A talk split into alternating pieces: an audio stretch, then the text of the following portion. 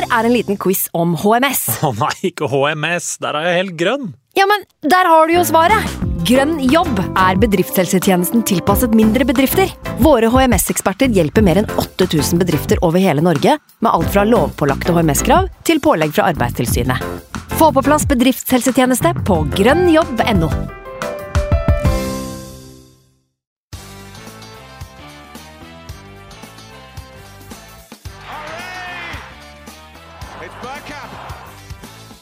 Grabs now! The next station is Arsenal. Hjertelig velkommen skal du være til en splitter ny episode med Arsenal Station med Magnus Johansen og meg, Simen Goffeng. Jeg hadde tenkt til å si at den kalde halvliteren er bytta ut med en eh, varm cup of joe, men eh, så viser det seg jo at eh, du er en knallhard jævle, Magnus. Søndag formiddag. Vi sitter her nå til vanlig på en eh, søndag aften og nyter, eh, nyter de kalde, men eh, før klokka 11 nå, du har allerede sprukket toppen på en halvliter. Betyr at det er veldig god stemning i heimen, eller er det behov for å, å rett og slett trøstedrikke litt? Det er jo, det er jo heller god stemning. Man ble jo litt inspirert av de vakre tonene som kom fra bortefansen i Bournemouth nå på lørdag. Eh, For det var jo mye henvisninger til eh, diverse eh, leskedrikk av type sterk. Så, men så, så i tillegg så er jeg ikke kjørbar om dagen pga. en vond fot som jeg pådro meg på vidda når jeg gikk litt for langt. Så sånn sett så kan det vel for så vidt gå under kategorien smertestillende. jeg gikk også litt for langt når jeg roste deg i, i tråd med Lars Monsen her forrige uke. Jeg tenker jo at når du nå viser å ha pådratt deg en eh, alvorlig fotskade her bare etter en uke ute i marka, så, så har du fortsatt et lite stykke opp til eh, det store idolet ditt, altså. Men eh, Ja, Jeg jeg, føler med deg, Du jinxa meg litt der, rett og slett. Jeg har hørt, uh, fått oppdatering fra deg underveis nå i uka, det har ikke blitt bedre. Så sender uh, god bedring og lykkeønskninger herfra. Og så skal du selvfølgelig få nyte både én og to og tre som smertestillende effekt nå utover formiddagen. Jeg vagger gjerne rundt som en eh, pingu hvis, eh, hvis Arsenal eh, vinner fotballkampen på den måten som vi gjorde på lørdag. For det, det, var, det var verdt det å bare sitte der med beina høyt og ta en, en pils. Eh, Jeg må innrømme at jeg drakk pils både lørdag og søndag. Oi, oi, oi. Oi, oi, oi. Altså det, det må jo sies at det var en ganske behagelig opplevelse lørdag kveld. Da. Eh, Så det var kanskje greit for din del òg at du var eh, sånn sett fastlåst i sofaen og ikke følte noe behov for å reise deg opp og kaste diverse gjenstander rundt omkring, og, og rett og slett hadde en, en rolig lørdag eh, på sofaen. Ja, usedvanlig rolig, vil jeg si. Det tror jeg de fleste kan kjenne seg igjen i. Eh, Det er veldig sjelden at Arsenal spiller en fotballkamp og du ikke har behov for å reise deg opp og sparke borti et eller annet. Eh, Og det hadde jeg gjort i går, så hadde det vært krise. Så nei, det er mer av det. Mer av det. Vi har jo en annen utfordring her òg. Altså, du er jo ikke kjent for å være noe morgendyr. Eh, I hvert fall ikke etter hva jeg så i, i London da vi lå på hotellrommet og jeg ikke klarte å få kontakt med deg omtrent den første timen vi var våkne der. Du på morgenkvisten er jo ikke, som du sier selv, du er ikke et menneske ennå. Men eh, er du nå såpass klar eh, når klokka begynner å nærme seg 11 at vi, vi skal klare en times Arsenal-prat? Ja. Ja, jeg rense stemmen med en gang. Jeg begynte å bli sånn psykisk grums. Men eh, ja da, absolutt. Og, eh, det er jo du som har eh, andre forpliktelser, eh, Simen, som gjør at vi sitter her nå. Normalt sett så spiller vi inn på kvelden. Yes. Da, jeg tror både du og jeg er mer i, i det gode hjørnet. Eh, Sånn at eh, det blir spennende å se hvordan resultatet blir når vi summerer opp etter halvannen time her. eh, For det blir sikkert halvannen time. Det får være opp til andre å bedømme om det er helt utafor, eller om dette er noe vi kanskje skal gjenta. Men eh, nei da, søndag kveld er ofte en fin rutine, det, altså. Så det får være et unntak akkurat i dag. Ja, det, jeg håper det. Eh, Men eh, vi må vel begynne å snakke fotball, Simen. Eh, Selv om når vi er eh, trøtte og slitne på morgenen, så klarer vi å bruke altfor mye tid på å snakke om oss sjøl. Eller å snakke om meg, egentlig. Jeg vil heller snakke om deg, merker jeg. Men eh, nå, nå har det blitt, har blitt sånn, ettersom jeg er den som drikker øl klokka 11 og har ødelagt foten min, så blir det, blir det lett at tematikken svermer om meg. Men um, før vi kjører i gang med match og litt overganger og kanskje noe annet små snacks, så, så må vi ta en runde med Arsenal Norway. Vi har jo stadig et samarbeid gående her, og det er gode tider for eh, supporterklubben. Det er, eh, som vi nevnte i forrige episode, lyttertall som er på vei opp. Det er et eh, årsmøte som vel allerede er neste her, stemmer det? Stemmer det. Som sikkert mange av lytterne skal på. og God tur, får jeg si. Jeg, jeg, jeg kan ikke være med pga. åpenbare årsaker. Da skal det vel samles noen på Tollington Ja, på fredag kveld, eller er det lørdag kveld? eh, på fredag kveld der, ja. Ja. Som er, eh, de hadde vel eh, dessverre fått eh, tilbakemeldingen nå at det var ikke mulig å få til disse samlingene på Emirates eh, når det er matchhelg eh, lenger, da. Men eh, Tollington har jo vi vært på begge to, og det er jo et eh, nydelig tilholdssted for Arsenal-supportere, det også. Så Mm. den gjengen med norske gooners som skal over der neste helg, de kan bare glede seg. Jeg er misunnelig. Eh, jeg har også andre forpliktelser den helga, så det ble dessverre vanskelig. Men eh, årsmøte på fredag, hjemmematch mot Fulheim Fulham med masse norske eh, supportere på tribunen på lørdag, det, det høres ut som en bra helg, det også. Ja, og det er nettopp det som er en av frynsegodene ved å melde seg inn i supporterklubben for eh, 250 fjottpenger, som Andreas eh, Aktiv Gunnerfod sier. Um, det er jo da lett å søke på billetter på de kampene òg. Det, ja, nå hører man eh, skumle skri om, Man leser skumle skriverier på sosiale medier om dagen om at Red Membership og sånn er eh, fånyttes, nesten. Ja. Og det er det jeg har basert meg på de, de siste åra i stor grad. Eh, fordi at man, det er gitt, gitt litt mer sånn fleksib- fleksibilitet. Da. Man kan kjøpe, kamp, kjøpe billetter litt nærmere kampstart og sånn. Eh, så jeg må nok eh, gjøre som eh, mange andre nå, og som jeg håper andre gjør, og søke gjennom supporterklubben. Eh, sjansen er kanskje større der, og da får man plass ved siden av hverandre også, hvis man søker sammen. Så det, jeg, tror det vil, vi vil få en oppsving i antall søknader der nå. Så det lønner seg å kaste seg på det toget, for det er lojal- lojalitetspoeng og sånn som gjelder der. Stemmer det, Stemmer det. I den forbindelse der, bare for å avbryte deg kjapt, så er det verdt å nevne, det har vi gjort før også, at eh, tidligere billettansvarlig Ole Kristian Holter, han har jo takka av. eh, og den stafettpinnen der skal vel sendes videre nå på dette nevnte årsmøtet på fredag. Mm. Jeg er litt usikker på hvem som eh, har landa den toppjobben der. Det vil jo tida vise. Men, men det, det kommer ikke til å bli en arbeidsledig person i hvert fall framover. Der er det litt som skal tas imot av henvendelser, tenker jeg. Så bare Ja. gi en liten eh, shout-out til den som tar på seg det ansvaret. Det er en eh, solid eh, jobb. Og en gøy jobb, helt sikkert. Ja, Møter masse norske Arsenal-fans og kontakt med masse norske Arsenal-fans i den forbindelse. Um, så har du supportermagasinet som kommer ut seks ganger i året. Det kom nå på fredag her. Jeg har ikke rekke å pile av plastikken på, rett og slett, for her har det vært eh, hektisk. Men eh, jeg gleder meg til kanskje allerede i kveld å sette meg ned i godstolen og, og bla litt i det. Og lese gode artikler fra Arsenal-fans her i Norge. Eh, og så har du 15 er det det, på fotballbutikk.no. Jeg sitter her i den nydelige nye bortedrakta. Den kom to uker for sent fra England, for der er det tydeligvis eh, fullstendig kokelimunke i- eh, på ordrekontoret. For det har vel aldri blitt bestilt så mye drakter. Og det, den rosa de har spilt i nå i de bortekampene, er jo ganske fin den òg, syns jeg. Eh, Sånn at Men du har, ja, den, den svarte du- som du sitter med her, det er jo den absolutte toppdrakta den sesongen her. Det er ikke noe annet å si. ja, den er også så fin. langerma som du har på deg. Det, det er ikke ofte man ser i disse dager. Så den, den kommer til å stige høyt i verdi de neste åra. Ja, en, eh, jeg håper jo det, da. Og så har jeg fått tak i den sånn gullskrift på ryggen. Eh, For at den er så uendelig mye finere enn den Premier League-trykket som bare er i, i hvitt. Det var vel rett og slett ikke lov eh, for Arsenal sin del å, å benytte gull. Jeg vet ikke. Jeg, jeg husker at Leicester bl.a. hadde jo gulltrykk på ryggen for ganske kort tid siden, så jeg skjønner ikke helt hva som er greia her. Men uansett. Arsenal-fonten som skal brukes i uh, Europaligaen, vil jeg tro, i cuper, eh, den er tilgjengelig hvis man er på, litt på alerten. Da, for at det kom, blir stadig utsolgt. Så jeg fikk tak i en i langerma med nummer ni. Eh, så nå, nå Jeg merka jeg var ute en tur i, på gårdsplassen her i går og hinka. Eh, Og så var det, hadde naboen ganske mange folk på besøk. Så begynte jeg å tenke det kan jo hende at det er noen folk her som ikke har peiling på fotball i det hele tatt, og så står det Jesus på ryggen min. Det er, litt, det er litt sånn Litt vondt? Litt Ja, for jeg håper ikke at de tror at jeg er dypt, dypt religiøs, da.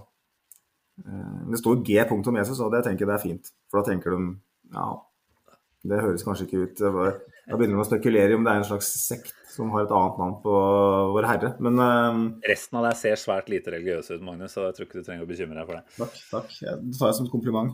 Men uh, Så det er vel eh, de frynsegodene, er det ikke det, Simen? Eh, Eh, Vi har vel nevnt eh, flere ganger at disse medlemstallene nå har vel, om de ikke har bikka 7000, så er det vel i hvert fall rett rundt hjørnet å gjøre det. Så meld deg inn og sørg for at man kommer eh, godt over det. Og i dette siste TGP som landa i posten her, som du sier, så fulgte du også med en, eh, en strøken kalender. eh, Hvor du har en eller annen Arsenal-spiller for hver måned som kommer de neste ti månedene, er det vel, da. Frem til- det er faktisk som har faktisk hele veien fram til hele eh, De har en juni og juli òg, til slutt. Ja, så- riktig, riktig. Så den kan, du, den kan du notere tannlegetimer og MR og, og røntgen, sånn som jeg skal skrive nå. Røntgen for din del, ja. Ja. Den skal brukes. Yes, da syns jeg vi skal hive oss i kast ja, med litt uh, kampprat. Hvor skal da. vi starte? Altså Nei, jeg ser vi blir uh, oppfordra ganske hardt her til uh, å synge den eh, nye Saliba-sangen. Det er Adri Adrian Aagensen på, på Twitter som skriver at hvis dere hvis, Oi, han skriver Nei, du må ha det riktig her nå.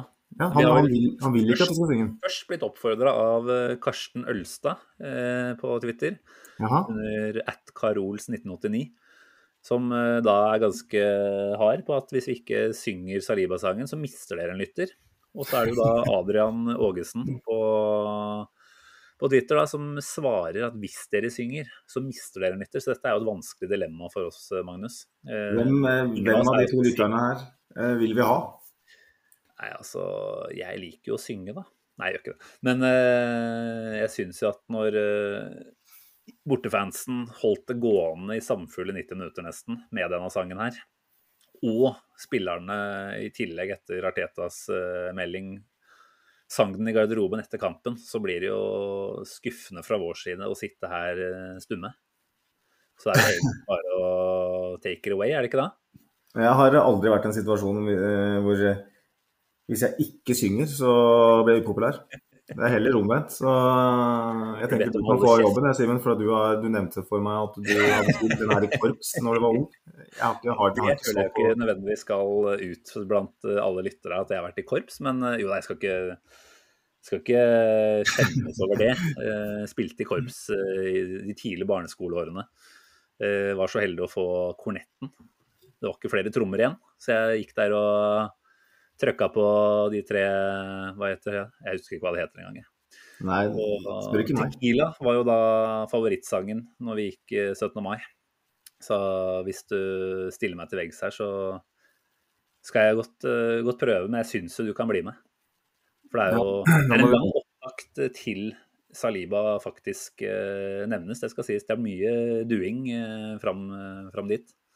Jeg har eh, heldigvis en øl her, så det kan hende at på slutten av episoden at jeg kan bli med, hvis, vi, hvis, hvis det er greit at du venter. Vi sparer den til slutten, rett og slett. Så kan jo de som da tenker at dette her eh, er eh, Satans verk og noe som gjør at de ikke vil lytte mer til oss, de kan jo skru av før vi, før vi kommer så langt. Ja. Ja, men Det var en god idé. Men vi kan jo allikevel snakke litt om Saliba. Ja, vi kan godt begynne der, eller, skal vi bare ta den vanlige gangen når vi kjører lagoppstilling og kampforløp og sånn? Ikke mye å snakke om når det kommer til den lagoppstillinga. Det var vel for tredje gang på rad akkurat den samme gjengen. Never change winning team. Så enkelt er det vel, og det har vel Arteta vist tidligere òg, at eh, så lenge ting går bra og flyter, så, så holder han seg til den samme planen. Det har Ja. jo kanskje tidvis vært no, noe kritiske til han eh, for, men, eh, men jeg tenker at det er vanskelig å, å sette fingeren på noe her. Altså, det var en kamp det var venta at vi skulle ha ball, og vi ville jo kontrollere et lag som Bournemouth. Og, at vi da kjører Zinchenko på venstre og Ben White på høyre bekk, er ikke overraskende. Og har eh, tryggere ballspillere enn en henholdsvis Tini og Tomiyasu. Da. Så ingen overraskelser, eh, kan vi vel si. Positivt var jo at eh, Fabio Vieira var med på benk etter å ha fått uh, en halv kamp mot uh, U21-laget til Swansea, var det vel her, for noen dager tilbake. Ja. Foruten om det så var det vel ikke de store ja, høydepunktene på benken. Det var kanskje den eneste skuffelsen i går, at Fabio Vieira ikke kom på. Jeg hadde gleda meg litt til det. Da får jeg, får jeg ut gruffet med en gang, det lille som var. For at her er det vanskelig å være kritisk til noe som helst. finne drit her, ja. Men nei, jeg også venta jo litt på den, jeg gjorde det.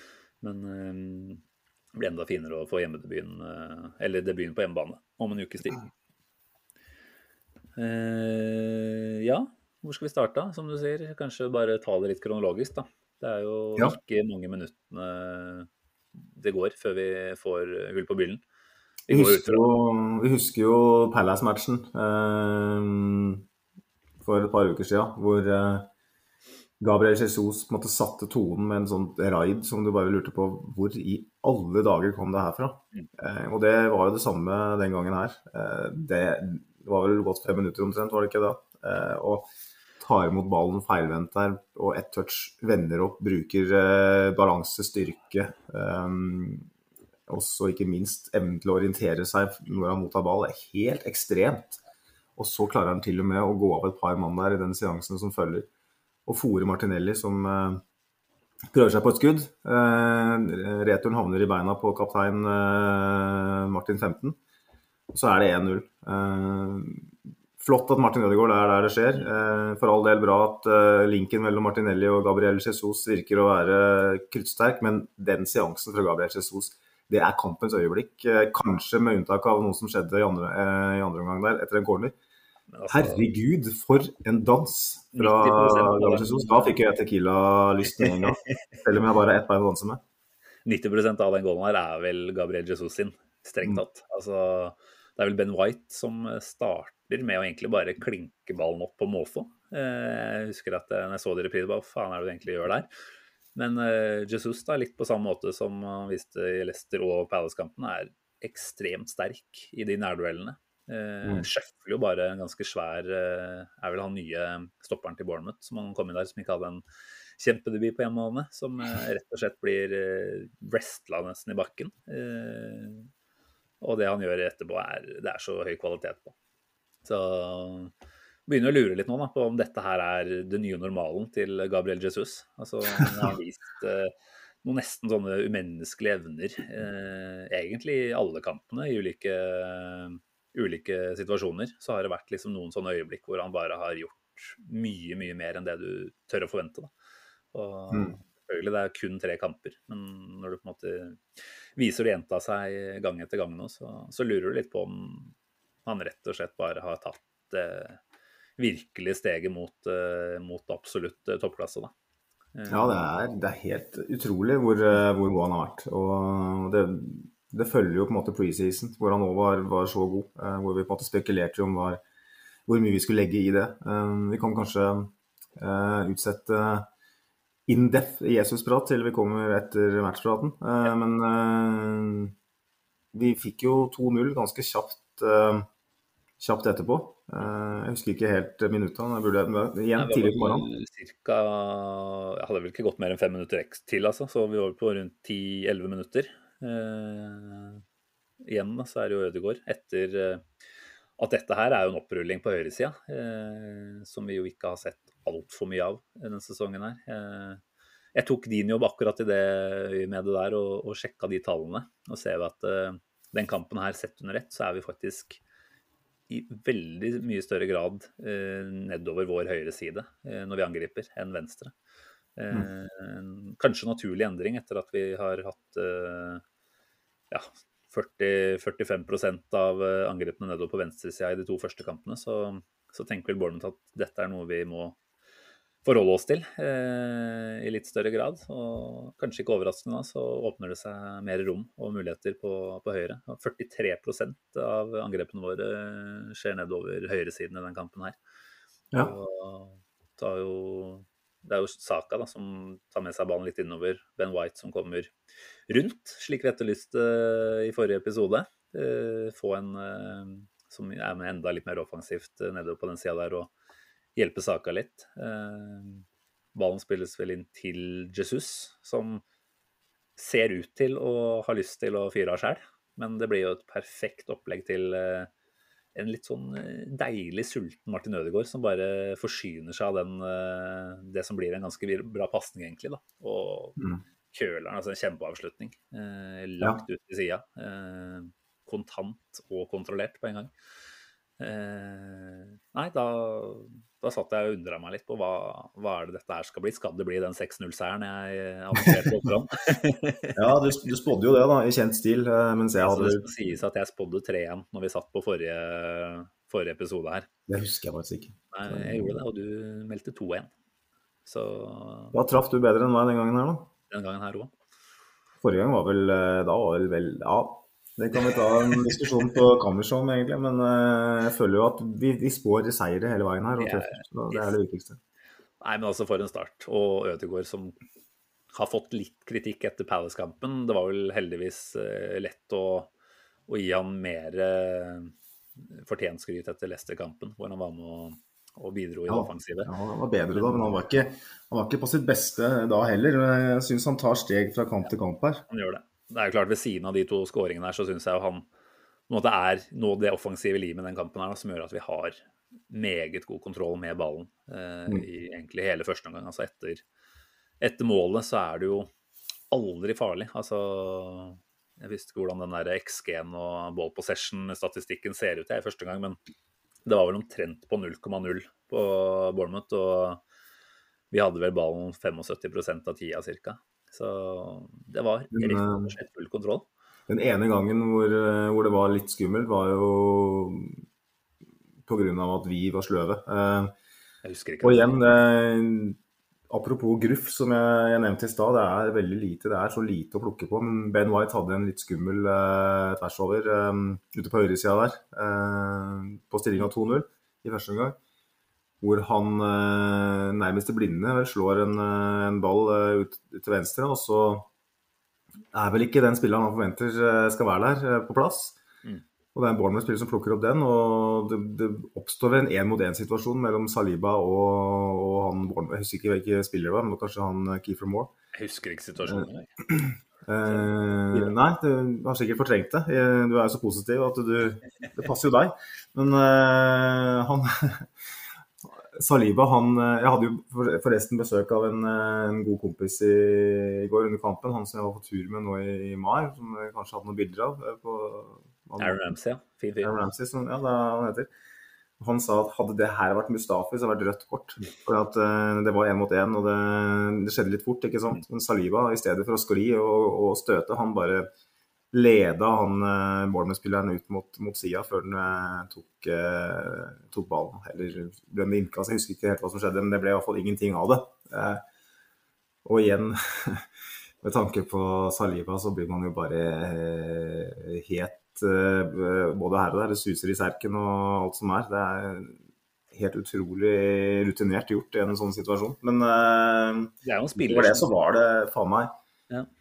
ingen grunn til bekymring, altså. Det var eh, Sjaka hadde vel ett ballmiss som jeg kan huske, hvor han hvor han ikke var kjapp nok i, i, i vendinga. Vi slakter han. Vi slakter han litt nå. ja, vi tar den. Men, eh, men det var altså den første gangen der, det var eh, en ren dans på roser. Altså. Det, det kunne vært mer, både tre og fire, så det, det er sjelden eh, Og det, det tror jeg gjelder de aller fleste supportere. Eh, hvis du ser bort fra City og Liverpool, så er det sjelden man ser et, et lag har så god kontroll på bortebane i Premier League som det vi hadde der. altså. Ja, jeg også ble nesten overraska over at det var så komfortabelt. Altså et Bournemouth som jo gikk ut og, og fikk eh, ledemål etter eh, halvannet minutt mot Villa i serieåpninga. Som Mm. jo selvfølgelig fikk en tøff opplevelse på Etiad nå sist. Men man skulle tro ikke inn til den kampen her da, med lave skuldre og en tanke om at her har vi alle muligheter for å lage et, eh, et ubehagelig matchbilde for, for Arsenal. Men det er du aldri i nærheten av. Eh, så vi har fått et spørsmål fra Fleskspurven på Twitter, som jo skriver at eh, imponerende i dag, men var ikke Bournemouth også veldig dårlig? Og på sett og vis så kan du si at de var dårlig, men i mine øyne så, så så dette ut som et Bournemouth-lag som rett og slett var veldig redde. skikkelig Det var frykt eh, i det laget der fra starten for at dette Arsenal-laget her kan ramme de eh, egentlig overalt. da. Eh, Mm. Nå har du helt sikkert brukt opp eh, oppladningen i den kampen her på å se på Arsenals eh, ulike angrepsvåpen. Uh, de er egentlig litt overalt om dagen. Altså, du har åpenbart Jesus, som vi har snakka om allerede. Uh, Martinelli har vært kjempefrisk uh, denne sesongen her. Fra fjorårets sesong så vet vi at Saka var vår beste spiller på høyresiden. Og det er klart, når du er Bournemouth-spiller da, og går inn eh, til den kampen her og vet at her eh, kommer vi til å bli ødelagt da, hvis vi går Jeg vet ikke helt hvordan de tenker at det skal være så veldig mye mer eh, hensiktsmessig å, å ligge så dypt og være såpass eh, uintense i presset. Men, eh, men det var vel en frykt for at hvis de var for tett oppi, så ville de bli spilt rett igjennom også, da. Mm. Jeg tror det er den fear-faktoren som, som Marteta jo også har nevnt nå, som virkelig er tilbake. da, Som er representert av eh, kanskje særlig Gabriel Jesus, men også resten av den offensive gjengen bak der. Eh, Det er liksom fare på ferde overalt i banen nå med det, det Arsenal-laget. Og da tror jeg det rett og slett var veldig mye respekt eh, fra motstanderen som gjør at de ser så dårlig ut. Scott Parker sier jo etter kampen nå at han, han var skuffa over det han fikk se første gangen. Det var ikke i nærheten av det han hadde forventa. Men eh, jeg tror at det rett og slett er et Arsenal-lag som setter frykten i motstanderen. Og, og selvfølgelig også som er overlegne tekniske. Ja. Vi har eh, så ekstremt mange gode spillere på ballen nå. At eh, ja, Sinchenko, den ene der hvor han eh, er vel omtrent for bakerste mann og, og tar den rolig ned. Kjører et par sånn kroppsoverføringer og, og spiller den eh, kontrollert ut til høyre. Det er sånn Vi har så mye selvsikkerhet, da. Altså, teknisk er vi overlegne på mange områder. og fysisk Saliba, som du snakker om. Det er en stor trygghet i han òg, for han veit at han har eh, fysikken, hurtigheten, på sin side. da. Mm. Jeg tror, tror det rett og slett er eh, mer at vi er veldig gode enn at Bournemouth er dårlig. Og så skal det sies at de er sannsynligvis ligaens dårligste lag denne sesongen. her. Eh, Det var lett å tenke at dette er en championship-stall eh, når man så lagoppstillinga før eh, kampen.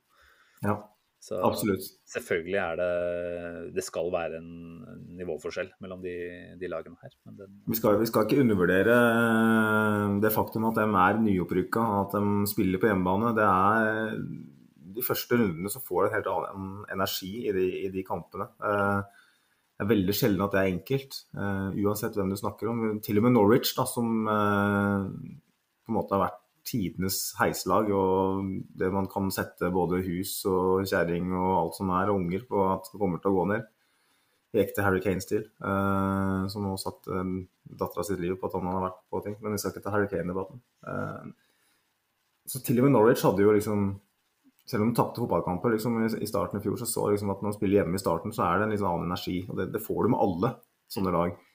At vi klarer å drepe det fra start, det er, er sterkt, altså. Og, og det er heller ikke ulikt Artetas Arsenal å gjøre det. Vi, jeg husker ikke helt tallene på det, men vi satt og så på det når vi oppsummerte fjorårssesongen. at vi, vi skårer jo først i de aller fleste kamper. Og når vi skårer først, så vinner vi som regel òg, for all del. Men til forskjell fra i fjor, så syns jeg at eh, Og igjen, det her er kanskje én kamp, da. Men eh, så syns jeg at vi vi faller ikke tilbake heller. Eh, Vi gjorde det mot Palace, og senest mot Palace så skårer vi tidlig. Eh, Og så blir vi litt passive. Og nå er Palace mye bedre fotballag enn en Bournemouth, men det at man bare fortsetter å, å, å gønne på i den første omgangen og, og dre- nesten dreper kampen, rett og slett, og om man har resultatmessig ikke har drept kampen, så har man sånn nesten psykologisk eh, vinning allerede. Eh, for det er, det er noe annet ved det Arsenal-laget her enn eh, det vi er vant til å se de siste åra. Det, eh,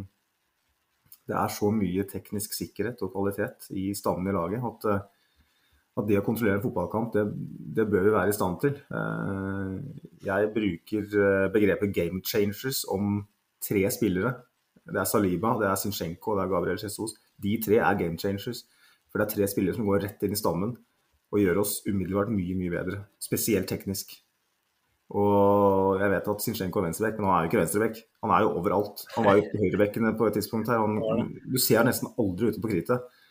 Uh, sånn at Å kalle den venstreback, det er, det er bare en utgangsposisjon. For at Sjaka er like mye venstreback. Martinelli er nesten like mye venstreback som det Zinchenko er. Uh, sånn at uh, han er åpenbart en del av stammen i, i det laget her. Og skal, når vi skal snakke overganger etterpå, så blir det interessant å nevne det med tanke på eh, det å ja, jakte en, en, erstatter for Sjaka, som som vi for så vidt eh, har vært enige om at eh, er noe vi har vært litt interessert i. Så lurer man på om med Sjaka i laget, så er fortsatt Zinchenko en Sjaka-erstatter på mange måter i, i, de fasene av spillet hvor, hvor, vi kanskje har følt at han har mangla det siste lille. For Zinchenko han er en midtbanespiller eh, som spiller på utgangsposisjon på venstre bekk. Og med Saliba, da, som jeg mener er den beste stopperen vår eh, basert på tre kamper. Men han virker å være den beste stopperen vår. Han virker å være helt ekstrem. Gabriel Jesus er, Gabriel Jesus er en av Premier Leagues beste spisser. Eh, sånn at eh, det gir oss som du, den fryktfaktoren. Det kommer mye av de tre game changers der, der da, som har gått rett inn i laget. Kjenner ligaen i to, ved to av tilfellene. Og så har du en Saliba som bare er mm.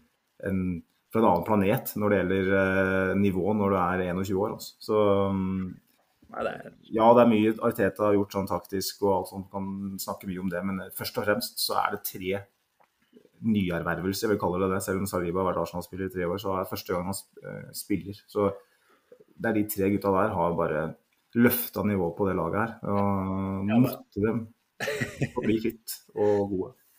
Ja, det er jo det store aberet selvfølgelig her. Vi satt og prata om det de jeg så kampen i går, og at åh, tenk når Jesus må stå over noen kamper. Hvordan blir det seende ut? Vi fikk jo noen spørsmål om det i forrige episode òg, om vi blir for avhengig av han. Men uh, jeg tror jo fortsatt også at det er mye kvaliteter i andre steder i det laget her da, som gjør at vi bør kunne stå i det. Men uh, la oss ikke snakke for meget om, om sånne ting. Uh, men apropos game changers, altså alle kvalitetene deres, både med og uten ball, det er jo udiskutabelt. men denne mentale biten med å rett og slett eh, for Jesus og Sinchenkos del å komme fra et, eh, et vinnende lag, en eh, vinnende klubb, som kun godtar det beste, på en måte. Det, mm. det, er vel kanskje den nesten viktigste effekten de to har da, på den garderoben her. Altså De kommer inn og viser for alle og enhver at dette er det som er godt nok. Og etter kampen i går så hadde vel nå Zinchenko faktisk den høyeste vinnprosenten, seiersprosenten, av alle Premier League-spillere eh, som har spilt over et visst antall kamper. Eh, ja. Som i seg selv, det er klart, har han kanskje kan du si, spilt noen av de lettere kampene i City-drakt òg, eh, og sånn sett fått boosta tallene litt. Men jeg tenker at eh, vi har fått inn vinnere, vinnertyper, i de to der. Som er eh, ekstremt verdifullt for en gjeng som helt sikkert fortsatt uh, er litt usikre på seg selv. Uh, etter uh, ja, både at de ikke har mange år på baken, men også litt hvordan fjorårssesongen utspilte seg mot slutten. Det, jeg tror den, mm. den tryggheten to spillere som nå på en måte går inn i prime-åra sine, to 25-åringer som har titler på titler på baken nå i sitt, det, jeg tror det er så sinnssykt verdifullt for resten av gjengen også. Så Nei, det er, det er, vanskelig å finne ord egentlig nå altså for å beskrive hvor optimistisk selv jeg er. Skal vi skru ned litt grann, da, og snakke om andre omgang som ikke var like dominant? Eh, og Det er jo veldig, det, syns jeg er et kvalitetstegn, at vi ikke brenner masse krutt når vi har kontroll på kampen. Men uh, vår kjære trygdeturi som var innom eh, podden for et par episoder siden, eh, Silje Svendsen, skriver eh, til oss på Twitter at eh, laget ser balansert ut og planen om å drepe matchen i løpet av 20 satt. Nok en gang slipper de seg litt ned etter pause, noe som vil straffe seg mot topplagene. Men stålkontroll. Ballbesittelse i første kontra andre gang er 26-74 eh, i favør Arsenal, eh, mot 56-44 i andre. Så Silje har et poeng, eh, selvfølgelig, at vi slipper oss uh, litt ned, men uh, Men vi slipper oss vel ikke ned umiddelbart gjør vi da, etter pause? Det var ikke det inntrykket jeg satt med. Altså, ja, Bournemouth kommer ut til å ha litt mer ball, men så får vi jo den Saliba-skåringen før det har gått ti minutter andre omgang. Mm. Det er vel først etter det at vi begynner å slippe oss mer tilbake, er det ikke det? Ja, det er godt mulig, det, altså. Ja. Jeg, jeg syns jeg så en veldig tydelig endring i evnen til å ha kontroll etter dette trippelbyttet, som jo kom mm. Eh, med rundt eh, ja, Det var vel ca. 75 spilt da Når vi da tar ut bl.a. Ødegaard, da, som jeg nevnte, da, som jeg virkelig hadde en noen kamp hvor han kontrollerte ball offensivt. Og den mista vi jo, den kontrollen der, med en gang. Men selvfølgelig andre gangen sett under ett sammenlignet med første gang, det er jo en helt annen type omgang. Det det. Men, Nei, det tenker jeg er altså, veldig innafor. Eh, som jeg sier, ikke brenn og krutt uh, unødvendig her. Eh, kontroller kampen ut og sørg for at vi ikke kommer noe grove arbeidsuhell. Eh, og så syns jeg du har et viktig og godt poeng med, med det trippelbyttet. Jeg syns jo Smith-Roe eh, viser at han fysisk sett er ganske langt unna eh, enda. Han er der Martinelli, Saka og Ødegaard er eh, først på ball, så sliter han med reaksjonsevne og evne til å ta seg på banen på en måte som gjør at han, han er først i duellene. Eh, mangler den råskapen eh, og den skarpheten til å virkelig kontrollere. For han ble jo satt inn i en sånn høyre indreløperrolle. Og jeg syns han kom dårlig fra det, rett og slett. og det er klart da sammenligna med Ødegaard. Men så er vel fyren rett og slett ikke matchfit. da, så jeg skal, ikke, skal ikke ta den for det, men eh, det er en interessant observasjon. Og en, selvfølgelig eh, noe man kan ta med seg eh, med tanke på den kritikken Ødegaard har fått eh, i de første par kampene. At eh, hvis du tar den ut, så ser du mm. at vi mister litt kontroll. Eh, jeg tenker at han og Thomas Partey er det snakkes ikke så mye om dem akkurat nå. Selv om Ødegaard skåret to, så snakker vi ikke så mye om den. fordi det er tre nyervervelser spesielt som utmerker seg. Men de to er like viktige som de var i fjor. Uh, I alle fall Party er det. Og jeg, jeg mener Ødegaard er det òg. Når du tar han ut, så tok det vel uh, Sinchenko, ble han på? Ja, sto han ut? Jeg mener at han ble Sartini kom jo inn, men jeg mener han Zinchenko sto, altså. Han ble vel flytta enda tydelig Nei, han gjorde kanskje ikke det, for jeg mener jo kanskje at til og med Tierney var i en slags uh, wing-posisjon et par ganger. Uh, sjekke det. Men uh, Zinchenko sto uh, kampen ut, det gjorde han. Ok, ja, Nei, for det, er klart Da har du en, en spiller som kunne ha bidratt til kontroll. Men du tar vel Ben White røker vel for Tomiyasu. Stemmer.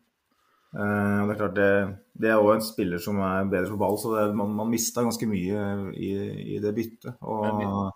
På 0-3 da, og full kontroll egentlig visste at seieren egentlig var altså Det er vel aldri lov å si høyt som Arsenal-supporter at vi vet at vi har vunnet på 3-0, men, uh, men, det føltes veldig greit da. Og jeg tenker at det er så viktig da å få de minuttene inn i en del av disse andre beina. Så får vi heller tåle at det ikke ser fullt så godt ut. Men uh, dette er jo ting vi kommer til å få igjen for positivt sett. da. Uh, mm. du, ja, nå har vi jo uh, plutselig en midtukekamp neste uke igjen, ikke sant?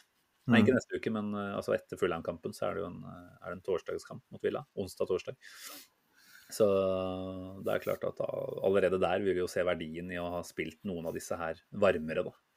Ja, og i fjor så var vi jo rake motsetningen. Da var det Rob Holding eh, inn etter 60 og, for å trygge inn, og det var hjertet i halsen i samfunnet 96. Mm. Eh, mens eh, slike kampforløp som det her, og til dels mot Leicester òg, selv om det var litt hårete i den andre omgangen her, så det er slike kampforløp vil på en måte generere energi utover sesongen. Da. Og som jeg nevnte, de game changers som gir oss den dimensjonen, det, det, er, det, er, det er, gull verdt også. Eh, jeg tror litt av årsaken til at vi så så tomme ut på slutten av vårsesongen, var nettopp det at eh, selv om vi hadde færre kamper enn eh, rivalene våre, så de kampene vi spilte, det var altså så på håret og på hekta så mange ganger at det må ha kosta mye mentalt. Og det, for meg så virka det som det var mentalt det skorta på for, mot slutten. og å bygge overskudd og momentum på den måten vi gjør nå, med det kampprogrammet vi har nå, det, det, er veldig interessant å se hva det kan føre til. Um, men uh, la oss gjøre oss ferdig med kampen. Da, for Det var jo kampens øyeblikk, nevnte jeg med Gabriel Jesus, men kampens øyeblikk var vel egentlig andre omgang. Når uh, man of the moment uh, stopperen William Saliba med feil fot drar en Bergkamp-avslutning opp i krysset der. Jeg skulle til å si han kommer inn og gjør sin beste Thomas Fermalen improvisation, ja da. Men uh, Bergkamp er vel en riktigere og en hyggeligere sammenligning, egentlig. Men det er klart, som stopper med venstrefoten, så har vi jo en Fermalen som holdt på med akkurat det der. Men det er klart, i Saliba så har vi en som faktisk kommer til å vise seg å være en drivende dyktig forsvarsspiller også.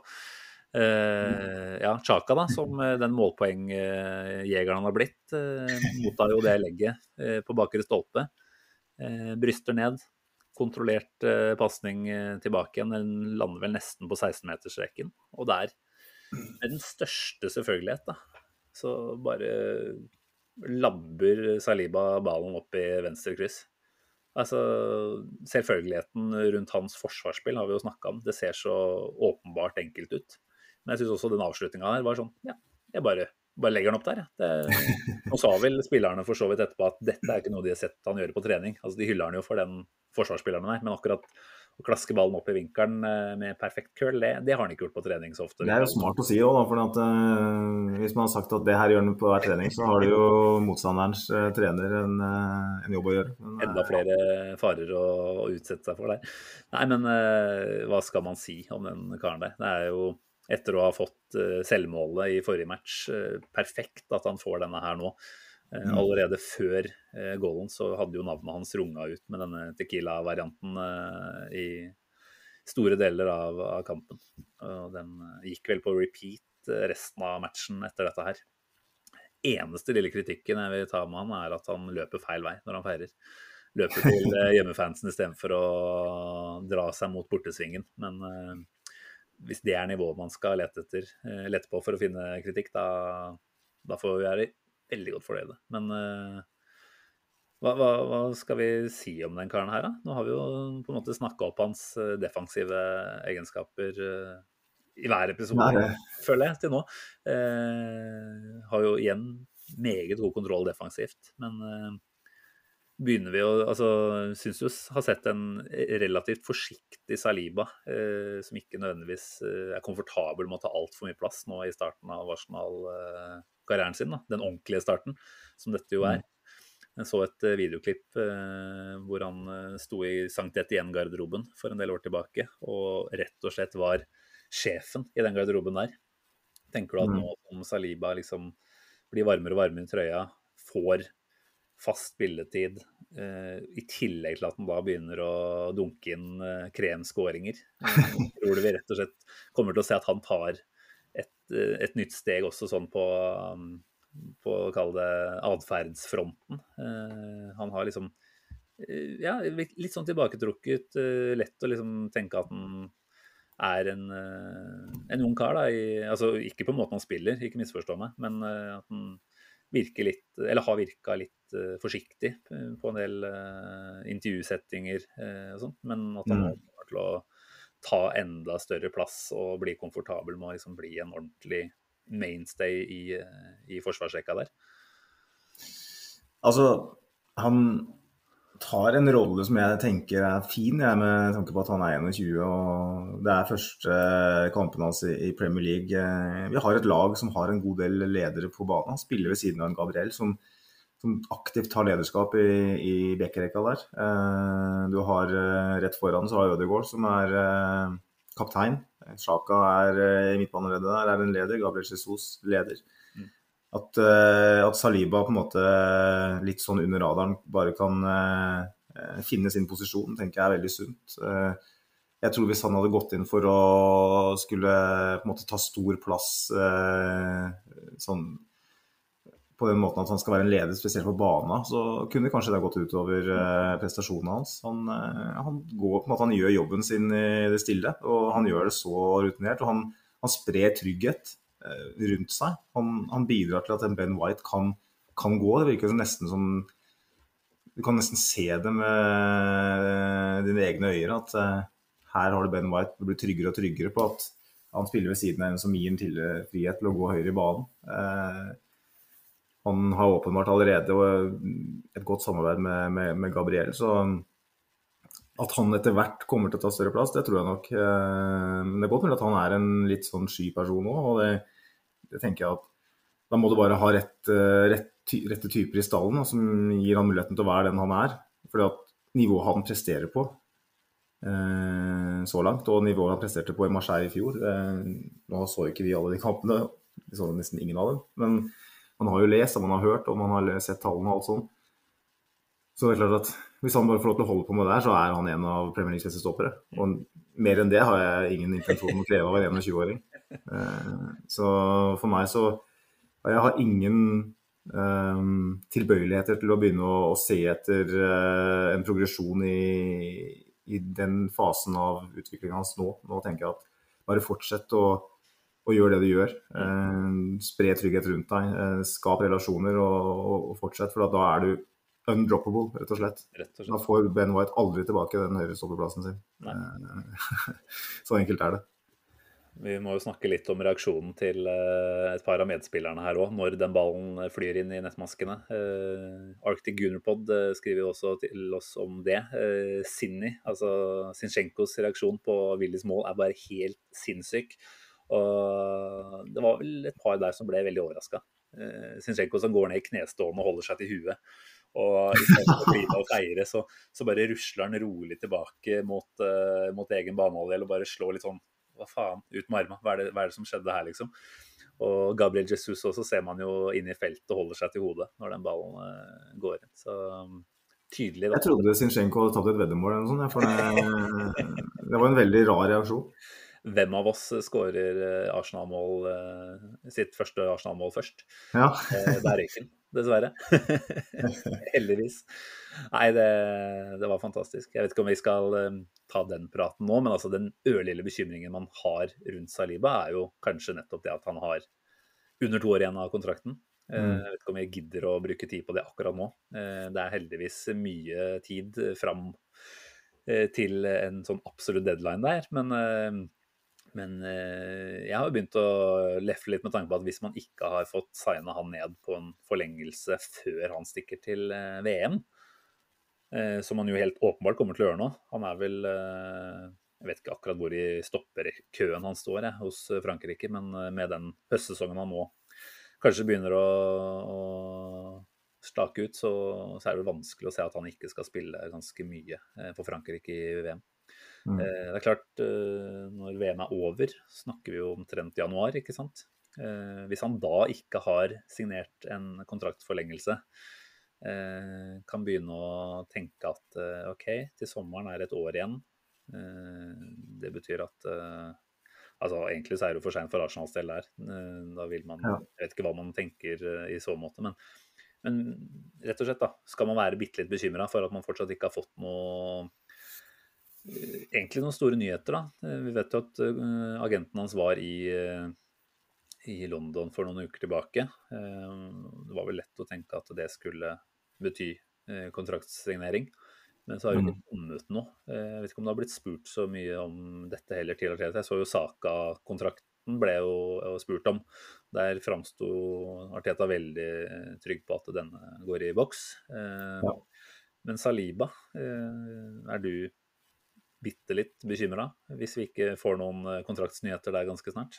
Ja, egentlig så er jeg det, altså. Fordi at jeg føler vi sitter på et talent der som er helt ekstremt. Og um, det er helt åpenbart at uh, de aller fleste storklubber vil være interessert i han hvis han fortsetter å prestere på det nivået her. Det er klart, Nå må vi gi det noen flere kamper, men hvis han fortsetter sånn i ti kamper til fram mot VM, og det ikke er noen nyheter, så blir jeg, da blir jeg ganske så bekymra òg. For at, mm. eh, da vil agenten hans få ganske mye henvendelser fra større klubber. Eh, og vi må jo stikke fingeren i jorda fortsatt. Eller fortsette å ha fingeren i jorda. Vi er jo ikke i Champions League per nå. Vi har ikke vært der på mange år. Vi er ikke blant eliteklubbene i europeisk fotball per nå. Eh, til tross for at vi har vunnet tre kamper på rad og ser bra ut. Så eh, det er litt sånn at hvis Arsenal får en, lit, får en knekk da, og begynner å rote litt, så blir det litt dårlig stemning. Eh, mens han allikevel fortsetter å prestere, så ja, det, det, er en fare for at det her kan ende med, med tårer, selvfølgelig. Uh, men jeg tenker Arsenal må bare Og det er jeg sikker på at de gjør òg. De må jobbe knallhardt nå. For eh, den, jeg mener at den kontrakten her er nesten like viktig som Saka. Også, for det, det er, er en, et like stort talent, hvis ikke større. Og dette er spillere som, som på en måte kan potensielt da, være hjørnesteiner i, i et eh, nytt Arsenal-dynasti eh, på sikt, hvis alt klaffer. Eh, mister, man, mister, man, en sånn type som Saliba eller en Saka, så er det det hjelper ikke mye penger du har, du klarer ikke å erstatte dem. på en måte. Så skal man aldri overdrive betydningen til enkeltspillere. For vi har sett at vi har mista spillere før som har vært enda bedre, som vi har klart oss veldig fint uten. Men med tanke på alderen til, til Saliba og det markedet vi lever i i europeisk fotball mm. med priser og alt sånt, og den posisjonen Arsenal har med tanke på å rekruttere spillere av det kaliberet, da må vi finne en ny Saliba eh, som er ung. som som vi må gi tid, ikke sant. Eh, så nei, det her, det er, eh, det er så viktig, det. Ja. Men det, det, du nevner om alder, er jo kanskje det jeg, tenker at det er det som gjør meg mest rolig, nesten. Da. Altså, Seliba har vel akkurat fylt 21 omtrent. Eh, virker jo som en veldig reflektert og fornuftig kar når det kommer til egen karrierebygging. Tenker jo han også ser at utviklingsmessig nå, så er han på et perfekt sted. da. Altså Så lenge han nå fortsetter å få spille, og det er jo ingenting som tyder på at han ikke kommer til å fortsette med det, så, så er han der han ønsker å være. altså Uten å bli altfor romantisk her, så har vi jo sett bilder av han i, med Arsenal-drakt som ung. Mm. Eh, at Arsenal er en på mange måter favorittklubb eh, for Saliba, det tenker jeg vi kan være ganske trygge på. Så Jeg tror ikke han har dårlig tid heller. Han tenker at OK, eh, signere en ny kontrakt her nå. Fem år til. Da er han her til han er Eller da har i hvert fall kontroll på han til han er bikka 25.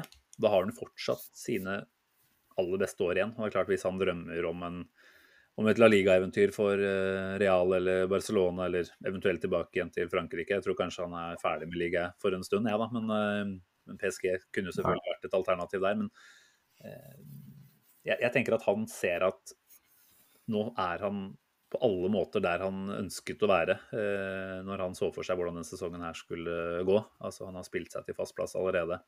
Eh, og, og, da er det noe med å bytte ut det allerede etter én sesong. Det, det, tror jeg ikke han kommer til å gjøre.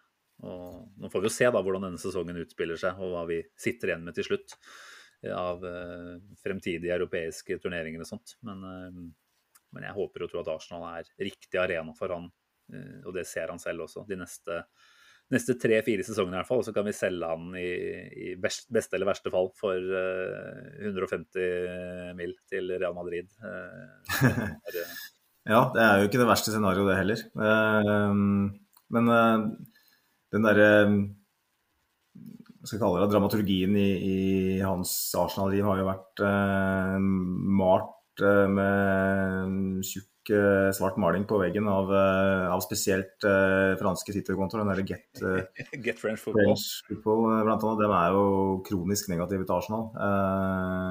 Sikkert fordi Arsenal-fansen har vært på dem ganske ofte og kritisert. Men inntrykket mitt er at, at man har kanskje at det har vært litt tilfeldig at man har havna der man har havna. Jeg tror ikke man hadde veldig god kontroll på den Saliba-situasjonen si et år siden. Når, altså Man registrerte den ikke i, i, troppen og alt det der. Alle kjenner jo historien. og Jeg er helt sikker på at det ikke var en god plan. Eh, og når han var i Marseille, så hadde vi god grunn til å frykte at, at det her blir vanskelig. Mm.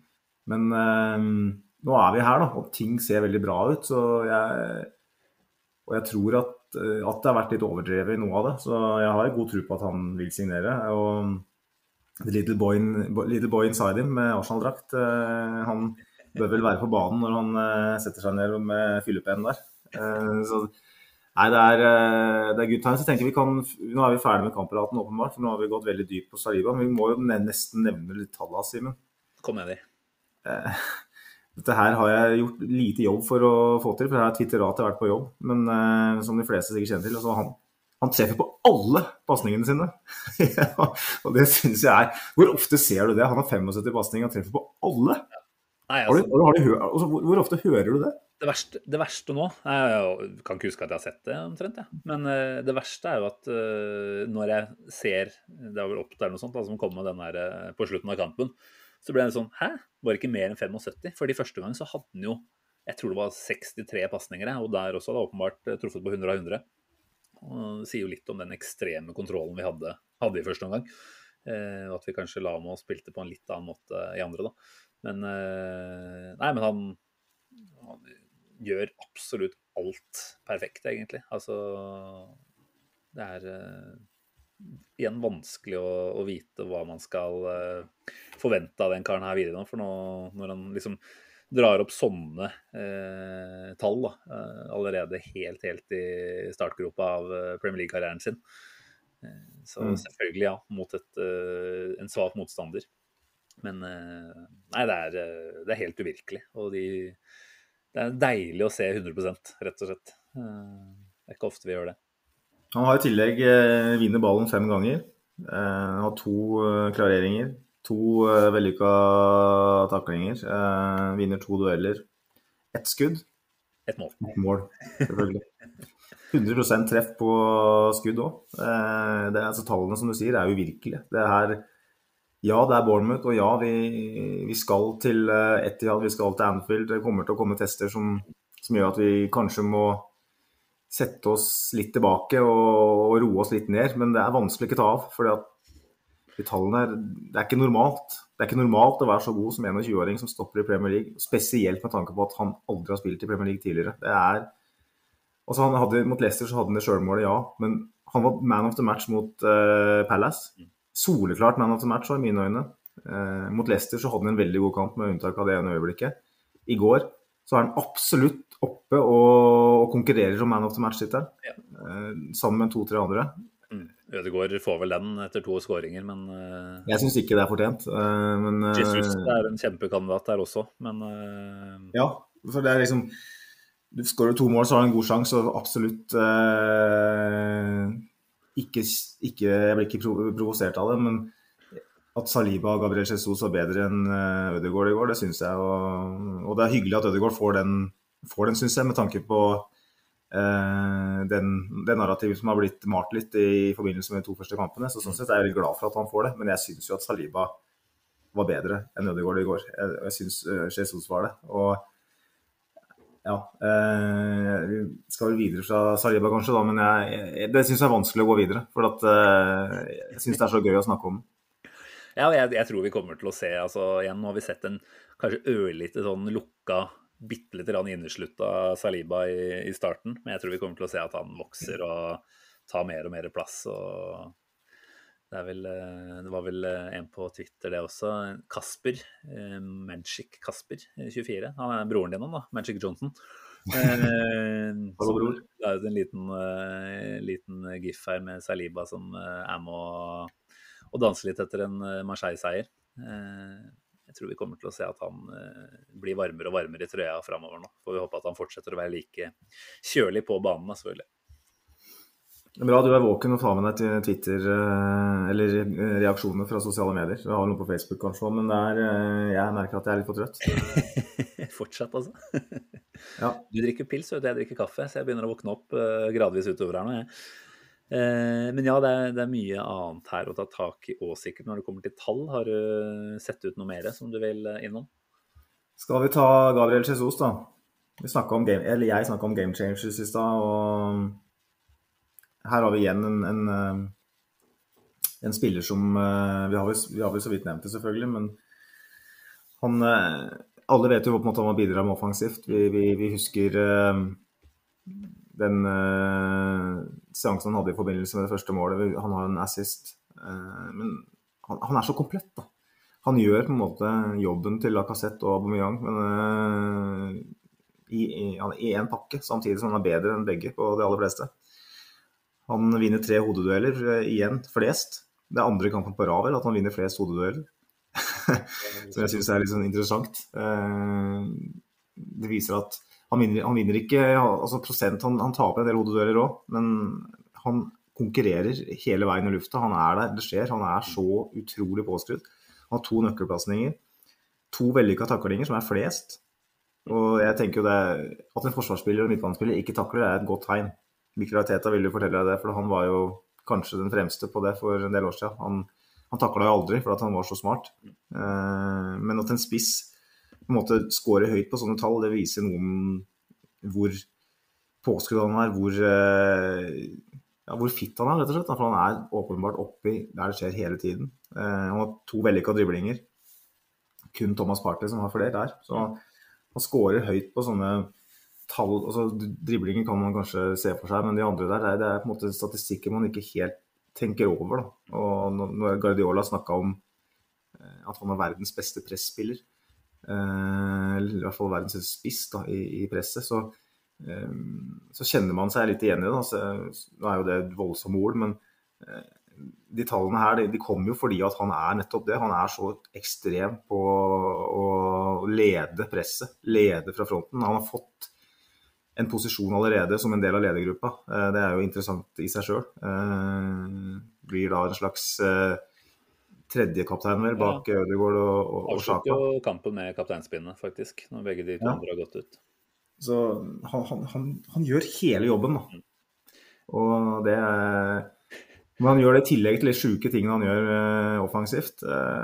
Så ja, du nevnte vel i stad, Simen, før vi gikk på luft her, at her, er, her der snakker vi potensielt et skikkelig Olsenmann-kupp, ja. si. Her har vi fått noe nesten for slik og ingenting i forhold til hva vi får igjen på banen. Når du begynner å sammenligne med hva andre spillere går for den sommeren her, selvfølgelig altfor tidlig å felle en dom over årets spiller og årets signering og alt det der. Men, eh, det er noen tegn som tyder på at vi har fått helt latterlig godt betalt for de 45 millionene vi slang på bordet her, da. Nå var det vel en uh, Morgan Gibbs White som omtrent gikk for samme sum til uh, Forest. Det er klart, kan ikke sammenligne de to på, på noen måte, men, men nei, jeg tenker at her har vi rett og slett gjort et verp. og igjen, vi har hylla, du vi har hylla Arteta for arbeidet de har lagt ned i den signeringa der. Altså, da vi, eller jeg, ja, i hvert fall jeg, jeg husker ikke hvordan det var med deg, skreik etter en uh, spiss uh, egentlig på lån da, i januar, uh, når det begynte å bli litt tynt i de offensive rekkene.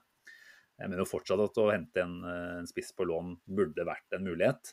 Mm. Det er klart det er mye dynamikk og interne vurderinger som ligger til grunn der. Men det at man ikke endte opp med å gå for en permanentsignering i hvert fall i januar. Det tror jeg vi jo alle kan se tilbake på nå og tenke at det var en fantastisk god vurdering. For da hadde du bundet opp for mye penger på den posisjonen. Eh, ja, og hvis vi hadde fått Lavic, så hadde vi åpenbart ikke sittet med, med en Jesus nå. Uh, og...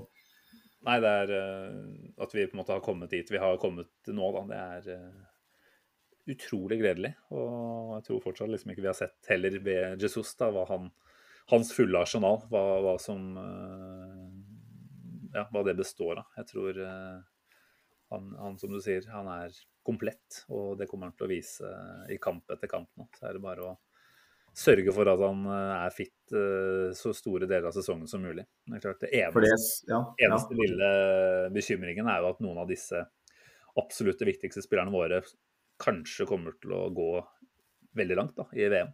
Eh, nå er det vel seks dager eh, fra finalen eh, til Boxing Day-kampen omtrent.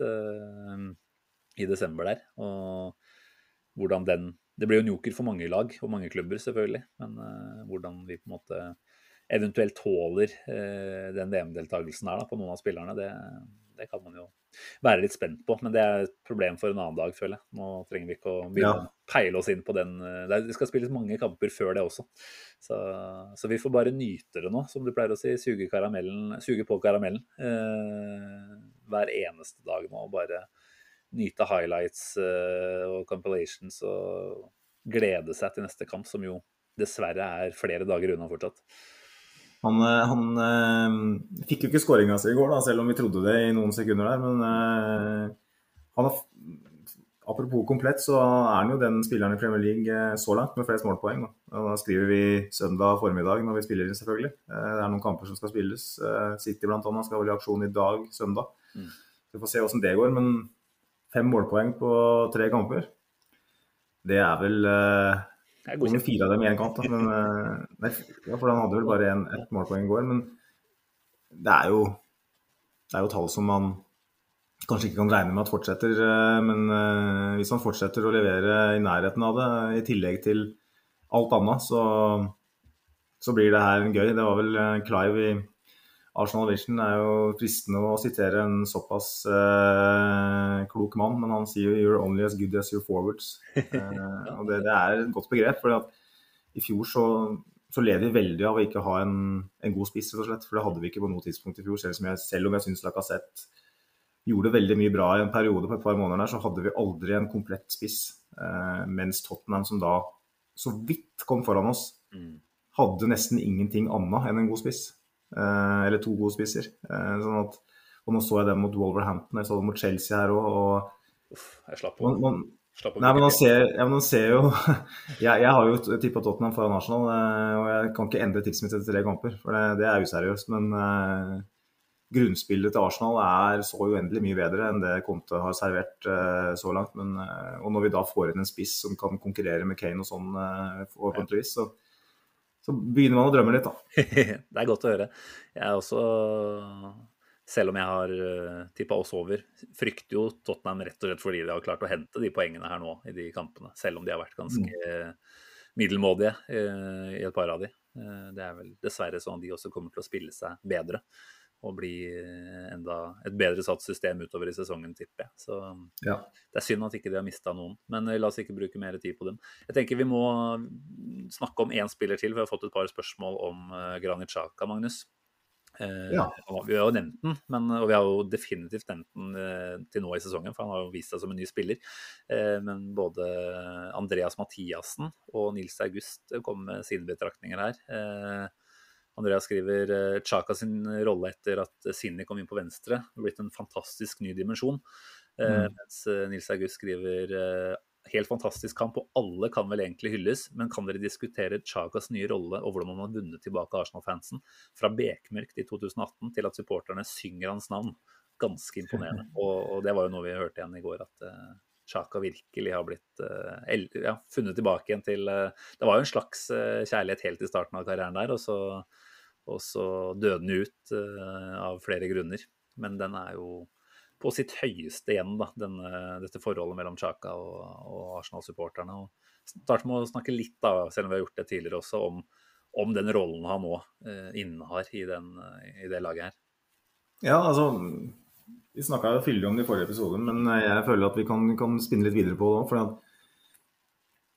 Vi skal inn på overganger, så, så har det liksom hele tiden vært snakk om at eh, Granit Xhaka-rollen er der vi må gjøre noe, hvis vi skal gjøre noe på midten.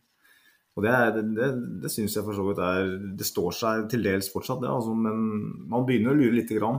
Eh, fordi at Zinchenko, eh, som vi har snakka litt om, han er jo egentlig eh, en midtbanespiller. Eh, og Sjaka og Zinchenko Hvem av dem som er back og hvem av dem som er eh, åtter, det er litt vanskelig å definere, rett og slett. Eh, man ser jo at Sjaka går på flere av de der litt dype løpene inn i boks. Så jeg har jo vært litt bekymra for at han kanskje ikke har egenskapene til å være produktiv nok, da. Men nå står han vel med tre målpoeng, da, så da, skal jeg være litt forsiktig med å melde det. Eh, den assisten han hadde i går, den, var, altså den tålmodigheten han viser der, og overblikket, det er stor idrett. Altså, for hadde det vært en spiller som eh, hva skal jeg si, ja, kun har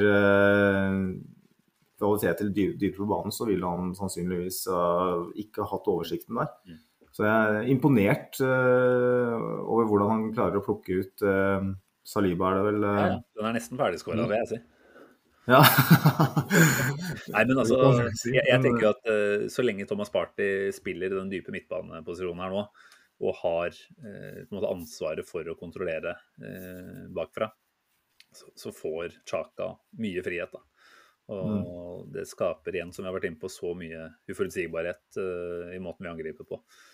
Og jeg tenker at Så lenge du på en måte klarer å unngå å få Chaka i for mange vanskelige defensive posisjoner, så er han en kjempespiller. Og jeg sa det vel i forrige episode at det er ikke sånn at man bare kan si nå at nei, men nå bytter vi den ut og får en oppgradering sånn helt uten videre. Fordi Chaka har nå Han er jo en veldig klok fotballspiller, det kan vi i hvert fall være enige om. Selv om det er noen tempoutfordringer og sånt der, så er han jo en kjempesmart fotballspiller.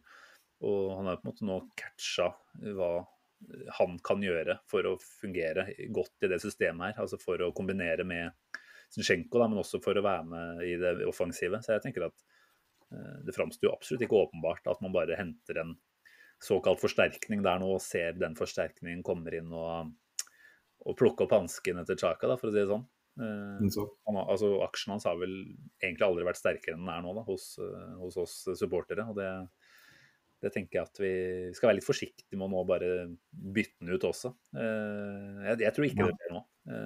Selv om vi så at Tilemann starta på benk for Leicester, så kom hun innpå. Så det kan jo fortsatt tyde på at den signeringen ikke Nå er Tielemanns eh, meget svak mot oss. Det kan jo rett og slett være det som er årsaken til at den er vrak òg. Men, Kanskje. eh, men jeg, jeg tror eh, det som eh, gjør meg litt sånn betenkt, eh, med tanke på utgangspunktet vi har med at vi vil ha en ny- midtbanespiller, det er jo det at hvis vi henter en Tilemanns, da, kan vi gi Zinchenko den friheten eh, da? Eh, Sjaka er jo, leser jo spillet jævlig godt defensivt og covrer voldsomt bra for, eh, for Zinchenko eh, når han går eh, fremover. Så at eh, tenker at det, Paketa også, som er nevnt, liksom, som er så offensiv. Eh, det funker jo ikke det sannsynligvis i de aller fleste kamper. Eh, så jeg tror Zinchenko kanskje er både venstrebekksigneringa og midtbanesigneringa. Jeg tror ikke det kommer inn en, en ny midtbanespiller. Eh, og hvis det kommer inn en, så håper jeg det kommer inn en som kan spille partyrollen i stedet. For at, jeg er jo redd for det at hvis, hvis vi henter en Tilemanns eh, som skal spille sammen med Zinchenko, så vil Thomas Party få altfor mye ansvar. Da, blir vi, da lener vi oss enda mer på han enn det vi bør gjøre. Eh, nå føler jeg kanskje at med Zinchenko og Sjaka, så kanskje klarer vi oss litt bedre uten Thomas Partey da, hvis han er ute. For at de to sammen kan løse en del, iallfall på den sida av banen. Eh, for at i fjor så var vi altfor avhengig av Thomas Partey. Altfor avhengig. Og ved å kjøre inn en veldig offensiv åtter eh, på venstresida nå, eh, så tror jeg igjen at vi gjør oss fryktelig avhengig av. Eh, I alle fall hvis Sjaka da forsvinner ut, da, hvis det på en måte er det som er det er- Det som har blitt nevnt av pressen, at, at Arsenal må sannsynligvis kvitte seg med en midtbanespiller. Og da tenker jeg ikke Torreira, men da tenker jeg Sjaka. Nei, og jeg tenker at den rollen Sjaka spiller også i garderoben, og den har jo kommet enda tydeligere fram i denne Or Nothing-dokumentaren, selvfølgelig. Og vi ser det jo egentlig jo i forkant av hver kamp. Det er jo, det er jo Chaka som tar teamtalken ut på matta der. Altså når, eh, når Ødegaard står med dommere og eh, disse type oppgaver, så, så er det jo Chaka som prater. Og selv når Ødegaard kommer inn i, i flokken der, da, så er det Chaka som, eh, som pepper det opp før avspark. Jeg tenker at eh, typen Sjaka er eh, egentlig helt eh, uvurderlig for den, eh, den klubben her nå. Og Mm. igjen, han har på en måte blitt nummer to i kapteinsrekkefølgen nå. Det er helt umulig for meg å se at man Altså, jeg vet ikke. Altså, ingen kommer til å by 50 millioner pund for Chaka uansett.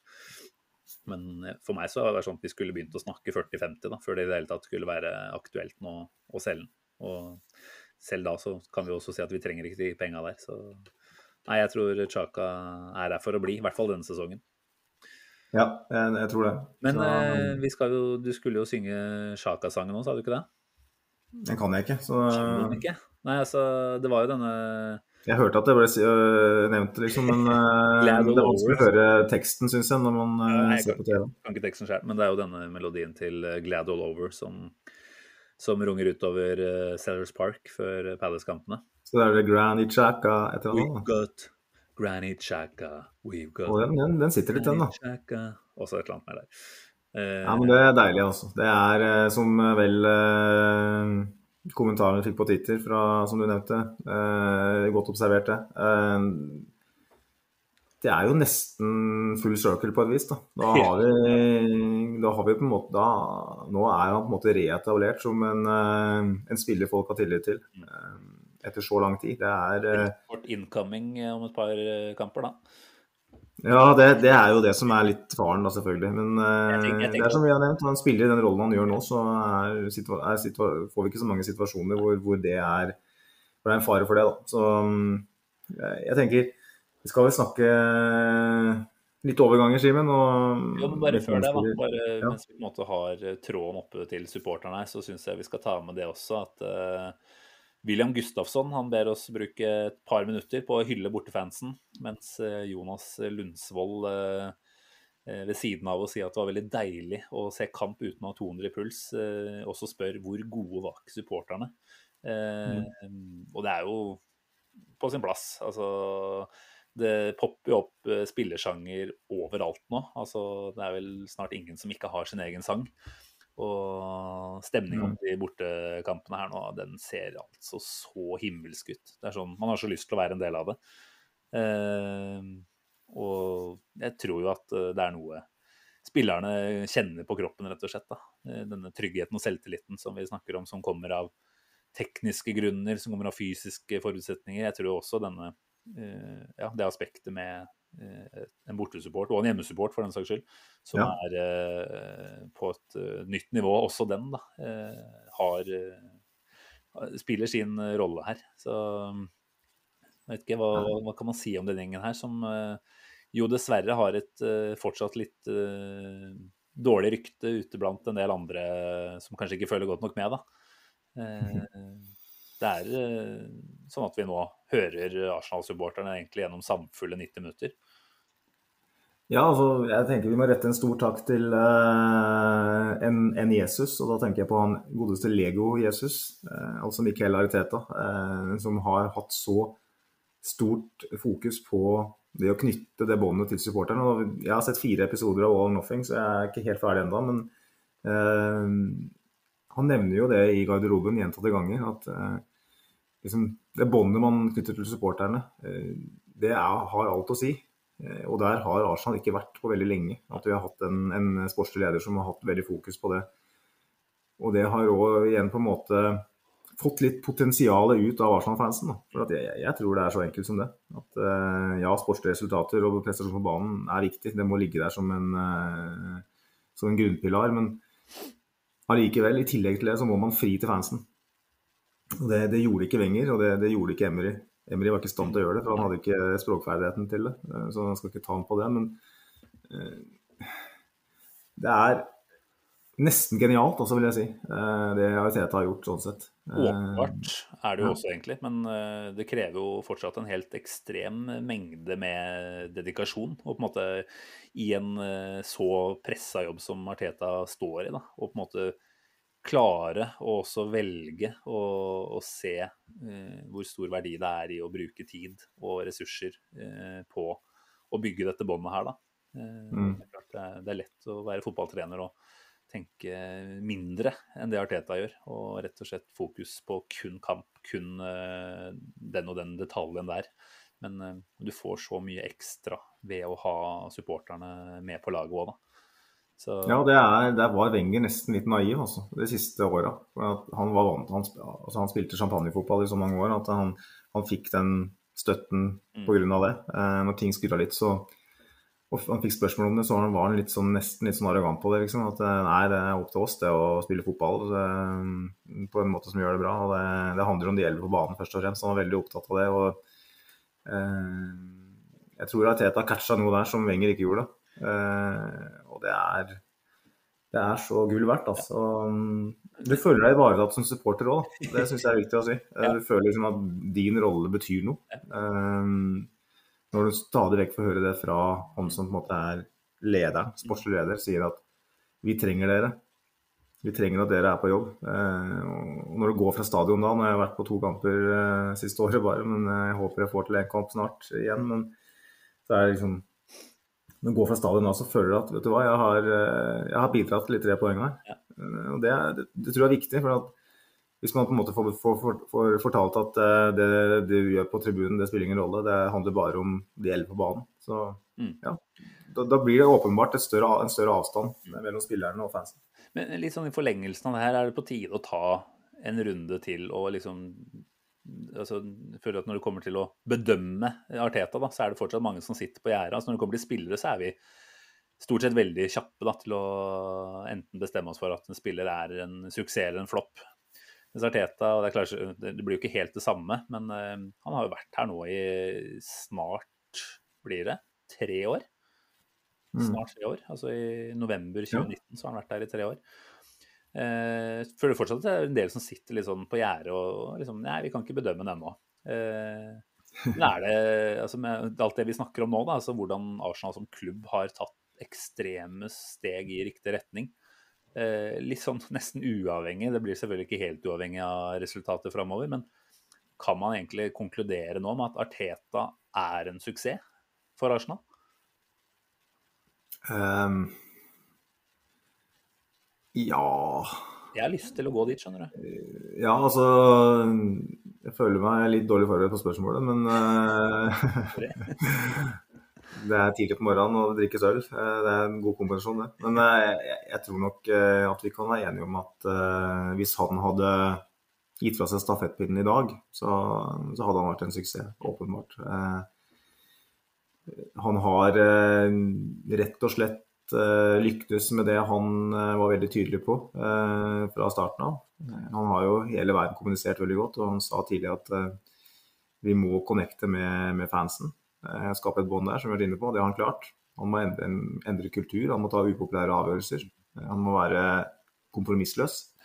Dokumentaren er faktisk en Igjen, jeg har sett halvparten bare, men det er god hjelp faktisk i å, å måle det litt òg. Det er veldig interessant å se på. Og han har kvitta seg med Aubameyang, han har kvitta seg med Øzil. Han har sørga for at spillere som ikke eh, som på en måte står i veien for en ny kultur, da, har blitt eh, rett og slett nesten kjøpt ut av klubben. Eh, selv om det ser dårlig ut på Excel-arket og kanskje gir oss et litt rufsete rykte på overgangsmarkedet, så, så, vil man likevel si at det kanskje har vært verdt det. Da, for at nå ser du på en måte et samhold og en energi og en stemning som man, man ikke har sett i Arsenal på veldig mange år. Mm.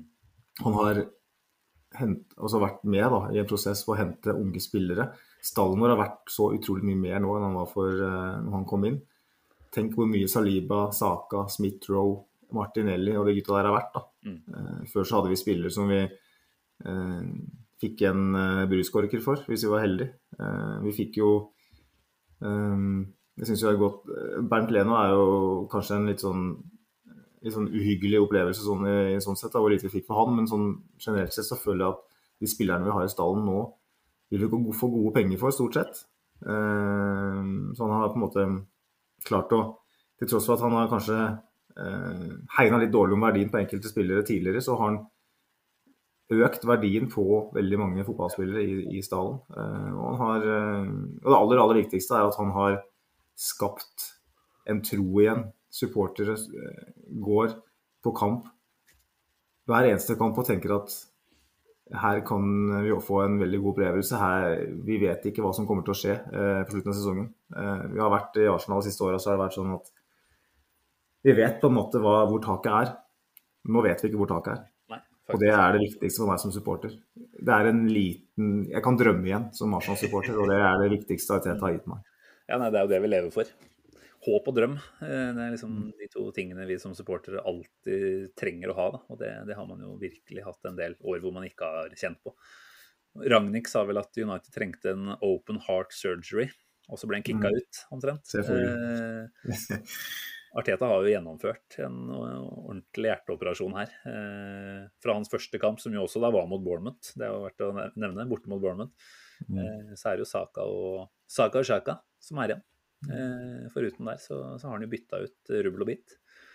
Eh, dette er hans lag etter, etter tre år nå. og tror liksom vi nå er vi på så rett vei som vi ikke har vært på et tiår omtrent, føles det ut som. Ja, jeg er enig.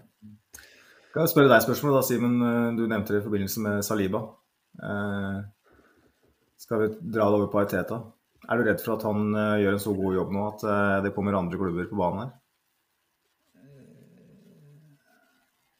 Nei. Nei. Ikke på halvannen sesong, i hvert fall. Nei. Men igjen, altså han, Hans eventuelle suksess eh, vil jo på en måte føre til at han står sterkere i jobben sin som Arsenal-trener. Altså, han ønsker å bli best, så enkelt kan vi si det. Så hvis han ikke opplever ja. at han kommer dit med den gjengen her, eh, og at han eventuelt opplever å ikke få videre backing til å bli enda bedre, så selvfølgelig kan det hende at veien tilbake til City ikke er så veldig lang om, eh, om et par års tid. Men, mm. men, jeg tror da at uh, det vi ser nå som utvikler seg her med hans eh, bånd, altså når du setter litt selv òg, altså det båndet han har til spillerne sine, altså det er en sånn det, er hans gjeng. da Han knytter seg emosjonelt til hver og en av disse spillerne her.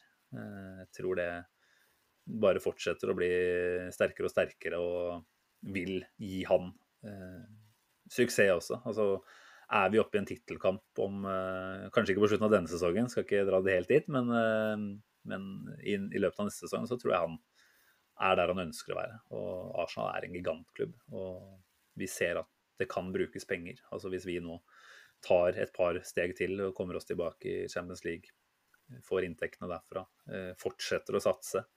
Eh, jeg tror at han er der han ønsker å være som fotballtrener. Altså, det måtte jo kanskje vært da et Barcelona eh, som ja. eventuelt kan returnere til på et eller annet tidspunkt. Eh, men så skakkjørt som den klubben der er nå, så frykter jeg på en måte ikke at de skal se så veldig mye mer eh, sexy ut som et prosjekt om to-tre år, da.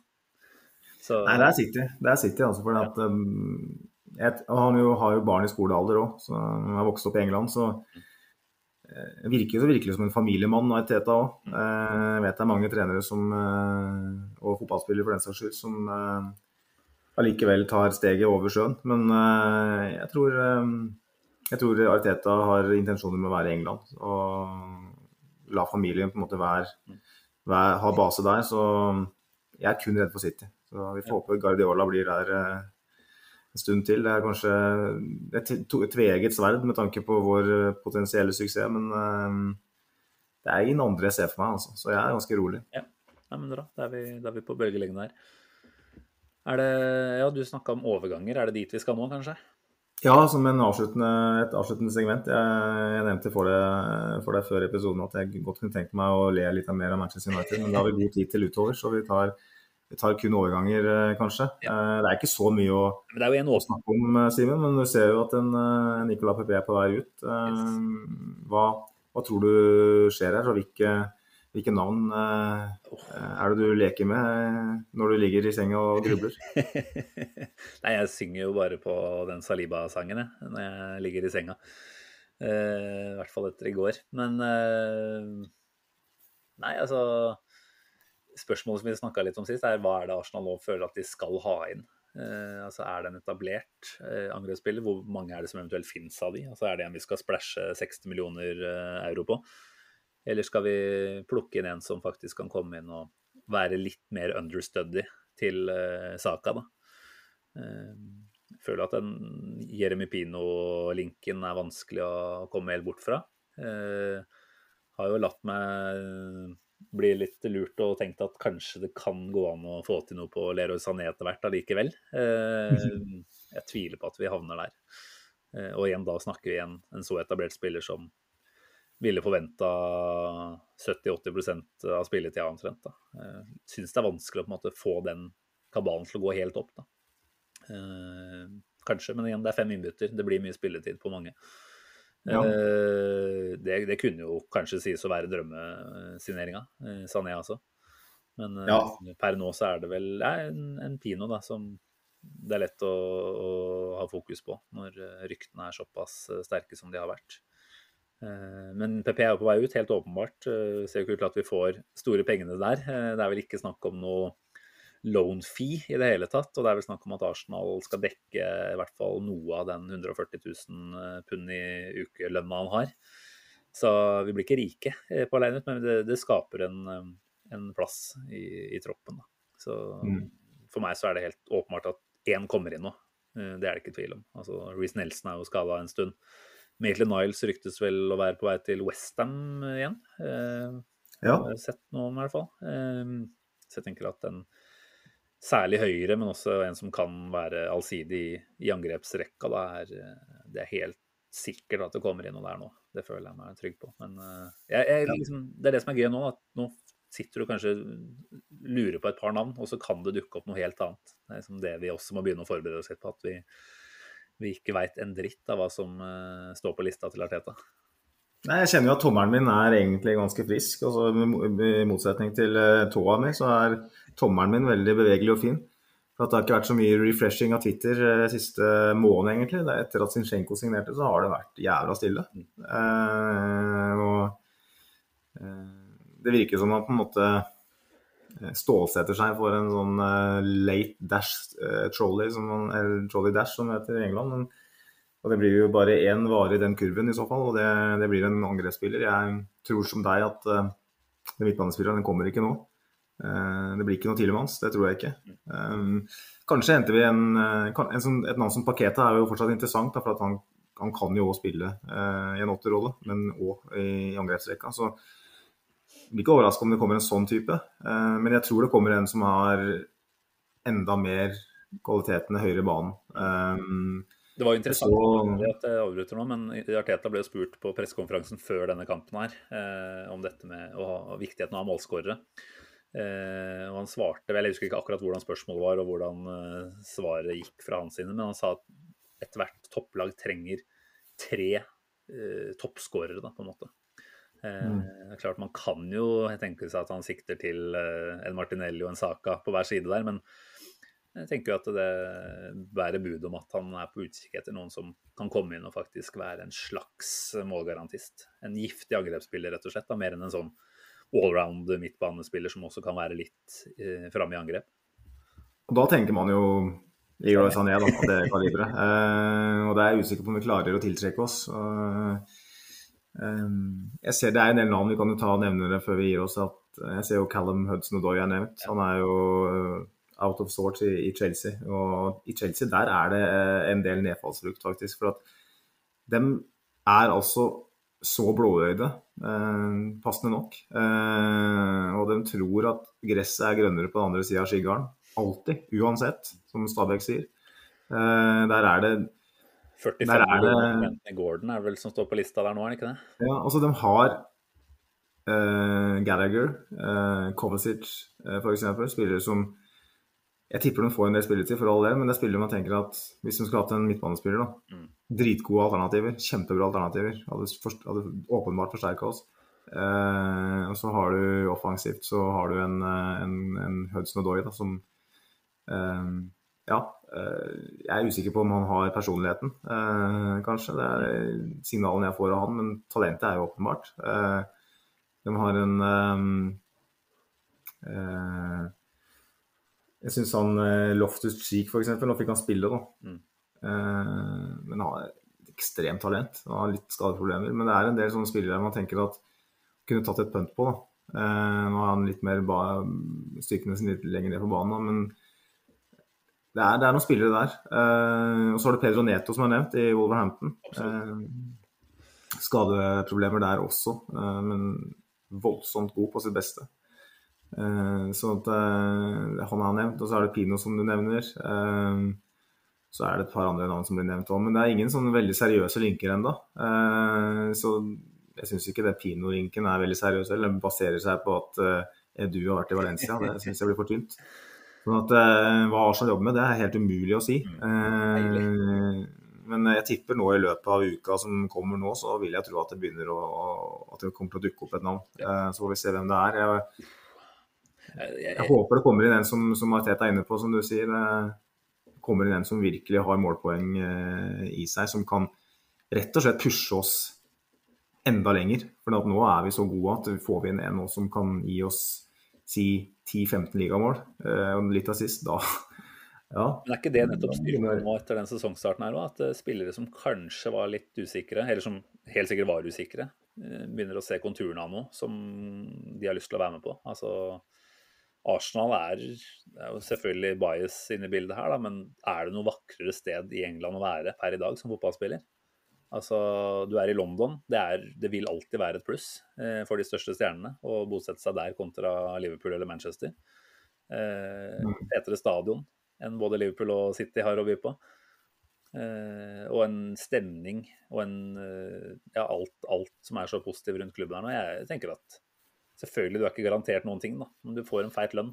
Og du, du får være med på et uh, ganske heftig prosjekt uh, framover nå. Da. Jeg tenker at det er mange som kan la seg friste av det der, altså. til og med en Leroy Sané. Mm. Men Ja, altså, det er- det er i år, og det er kanskje det store minuset selvfølgelig fortsatt. da. Ja. øhm, det er klart, jeg tenker jo at Arsenal venter, og det er mulig at de har et navn de jobber aktivt med, men hvis, det kan godt hende at de sitter litt på gjerdet. eh, hvor det er grønt på andre sida, som Chelsea ville tenkt. eh, og tenker at eh, det kommer til å skje en del ting siste uka av vinduet. Så da gjelder det å være i posisjon. For av og til så er det sånn at en spiller kun har to alternativer.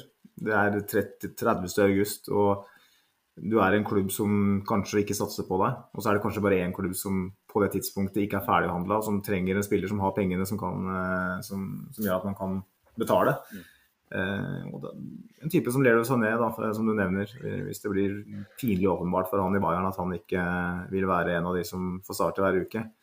Og det er ingen andre klubber som står klare med sjekkhefte, som kanskje har handla seg ferdig og fått den spilleren de har vært ute etter i den posisjonen.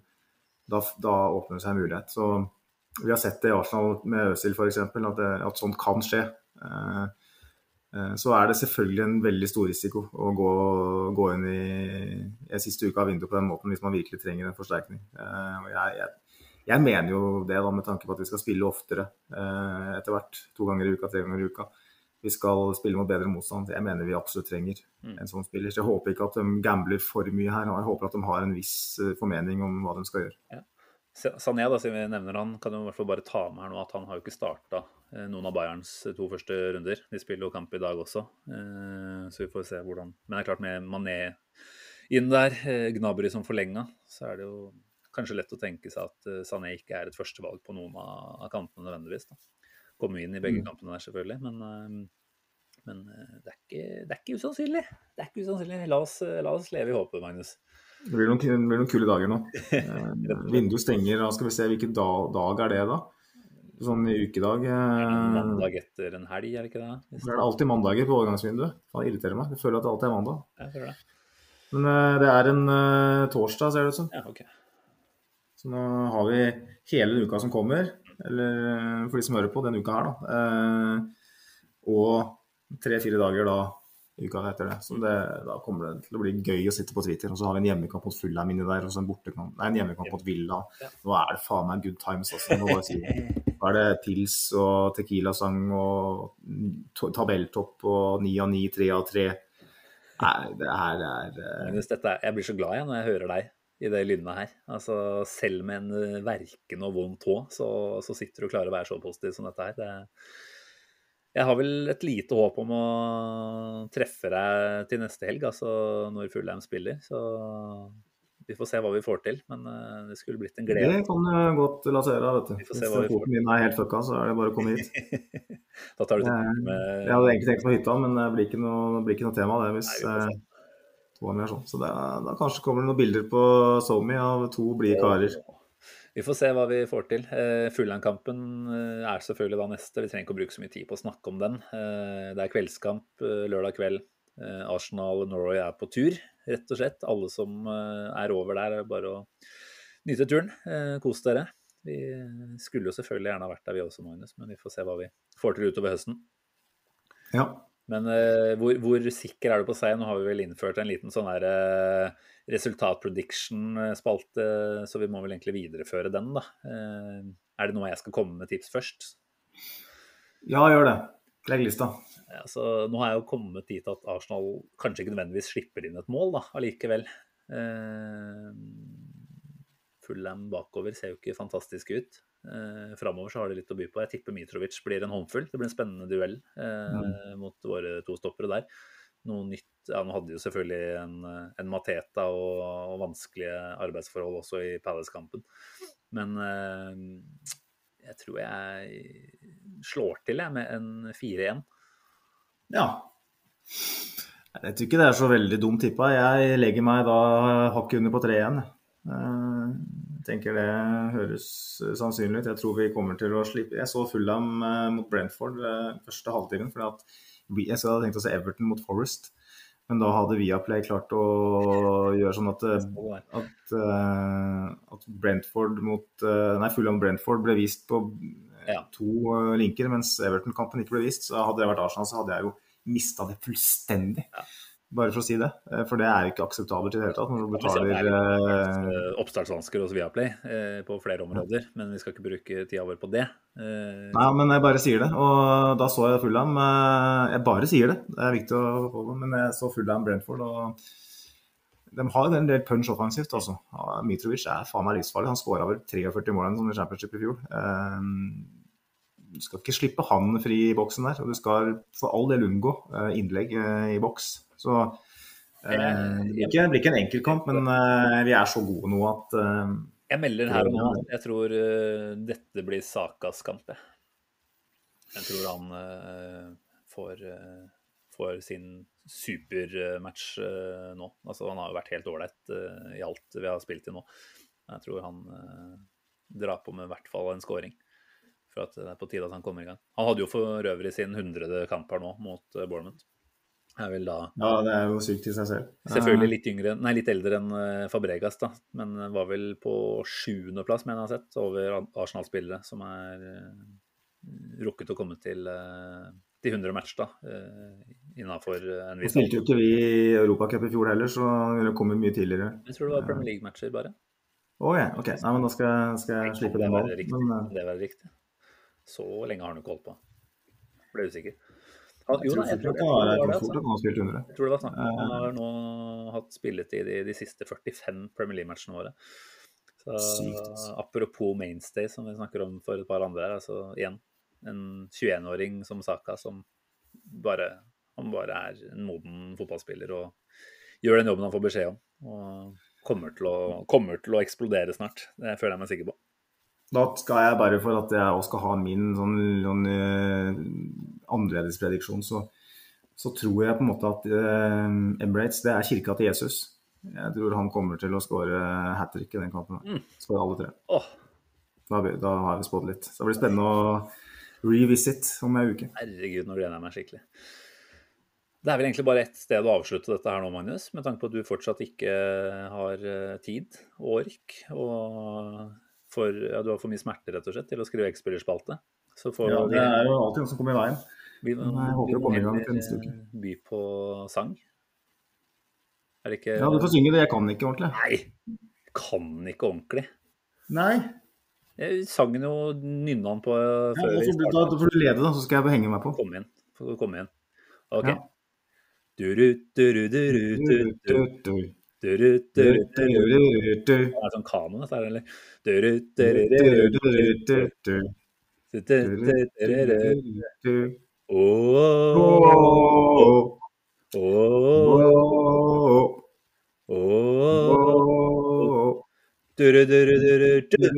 Saliba. Ja, Det er det, er det verste vi har levert. Noen det er det verste. Så håper folk si har å lytte. for følge til eh, Twitter-brukeren som, uh, som trua oss med avfølging. Det er helt greit. Det var verdt det. Men uh, til dere andre så håper vi det var helt greit. Og så skal vi love at det ikke blir altfor mye nynning og synging framover. Vi sparer oss vi skal over på kamp, Magnus. Kombinasjonen av at jeg ikke kan sangen og at du ikke har drikket alkohol, så ble det her ganske ille. Men eh, vi skal jo sitte i samme, kanskje samme stue neste helg, og så kan vi øve litt sammen. Vi håper det. Se hva det blir til. Yes, nei, men uh, Nydelig. Takk for praten. Det var jo en uh, ny erfaring dette her òg. Sitte her på en formiddag og fortsatt ha søndagen igjen. Altså, hva skal man gjøre i kveld? Nå hadde du et godt tips da med The Gunners Post, så det er kanskje det man kan eh, kose seg med. Så er det vel gjerne noen samboere i disse husene her som også setter pris på at vi gjør andre ting på en søndagskveld enn å prate fotball. Ja, vi bare ikke gjør det til en vane. Nei, jeg tror vi, vi er best på kveldstid. Mm, Det er da vi skinner. Nei, men takk for eh, laget, Magnus. Det var en glede som alltid. det var det. Yes. Og til deg som lytter, så sier vi også tusen hjertelig takk. Vi setter veldig stor pris på å ha dere med. Eh, fortsett å gi oss en rating på Spotify eller eh, ja, om du ikke har iTunes. iTunes, selvfølgelig. Om du ikke har fulgt oss på Facebook eller Twitter ennå, så setter vi pris på å ha med, ha med dere der også. Eh, så sier vi bare på gjenhør om ikke så altfor lenge. Ha det bra. Ha det, ha det. Hei.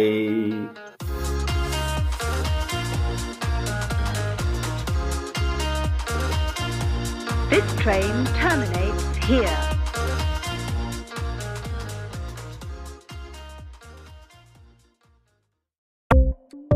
Ukens annonsør er HelloFresh.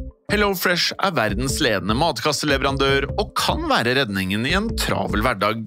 Mange av oss har nok vandret i butikken både sultne og uten en plan for middagen, som ender med at vi går for de samme kjedelige rettene gang på gang. Middag burde være dagens høydepunkt. Som HelloFresh kan du nå velge mellom 25 ulike retter hver eneste uke, eller få HelloFresh til å sette sammen menyen for deg. Dette gir deg muligheten til å prøve nye og spennende retter alene eller sammen med familien.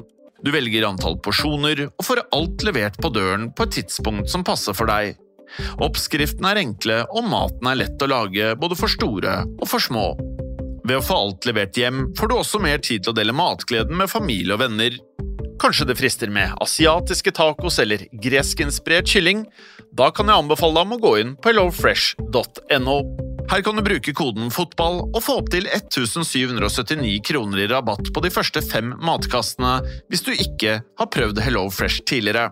Du kan også bruke rabatten hvis du har vært kunde og stoppet abonnementet ditt for tolv måneder siden eller lengre. Gå inn på hellofresh.no og bruk koden FOTBALL. Har du et enkeltpersonforetak eller en liten bedrift? Da er du sikkert lei av å høre meg snakke om hvor enkelt det er med kvitteringer og bilag i fiken, så vi eh, gir oss her, vi. Fordi vi liker enkelt. Fiken superenkelt regnskap.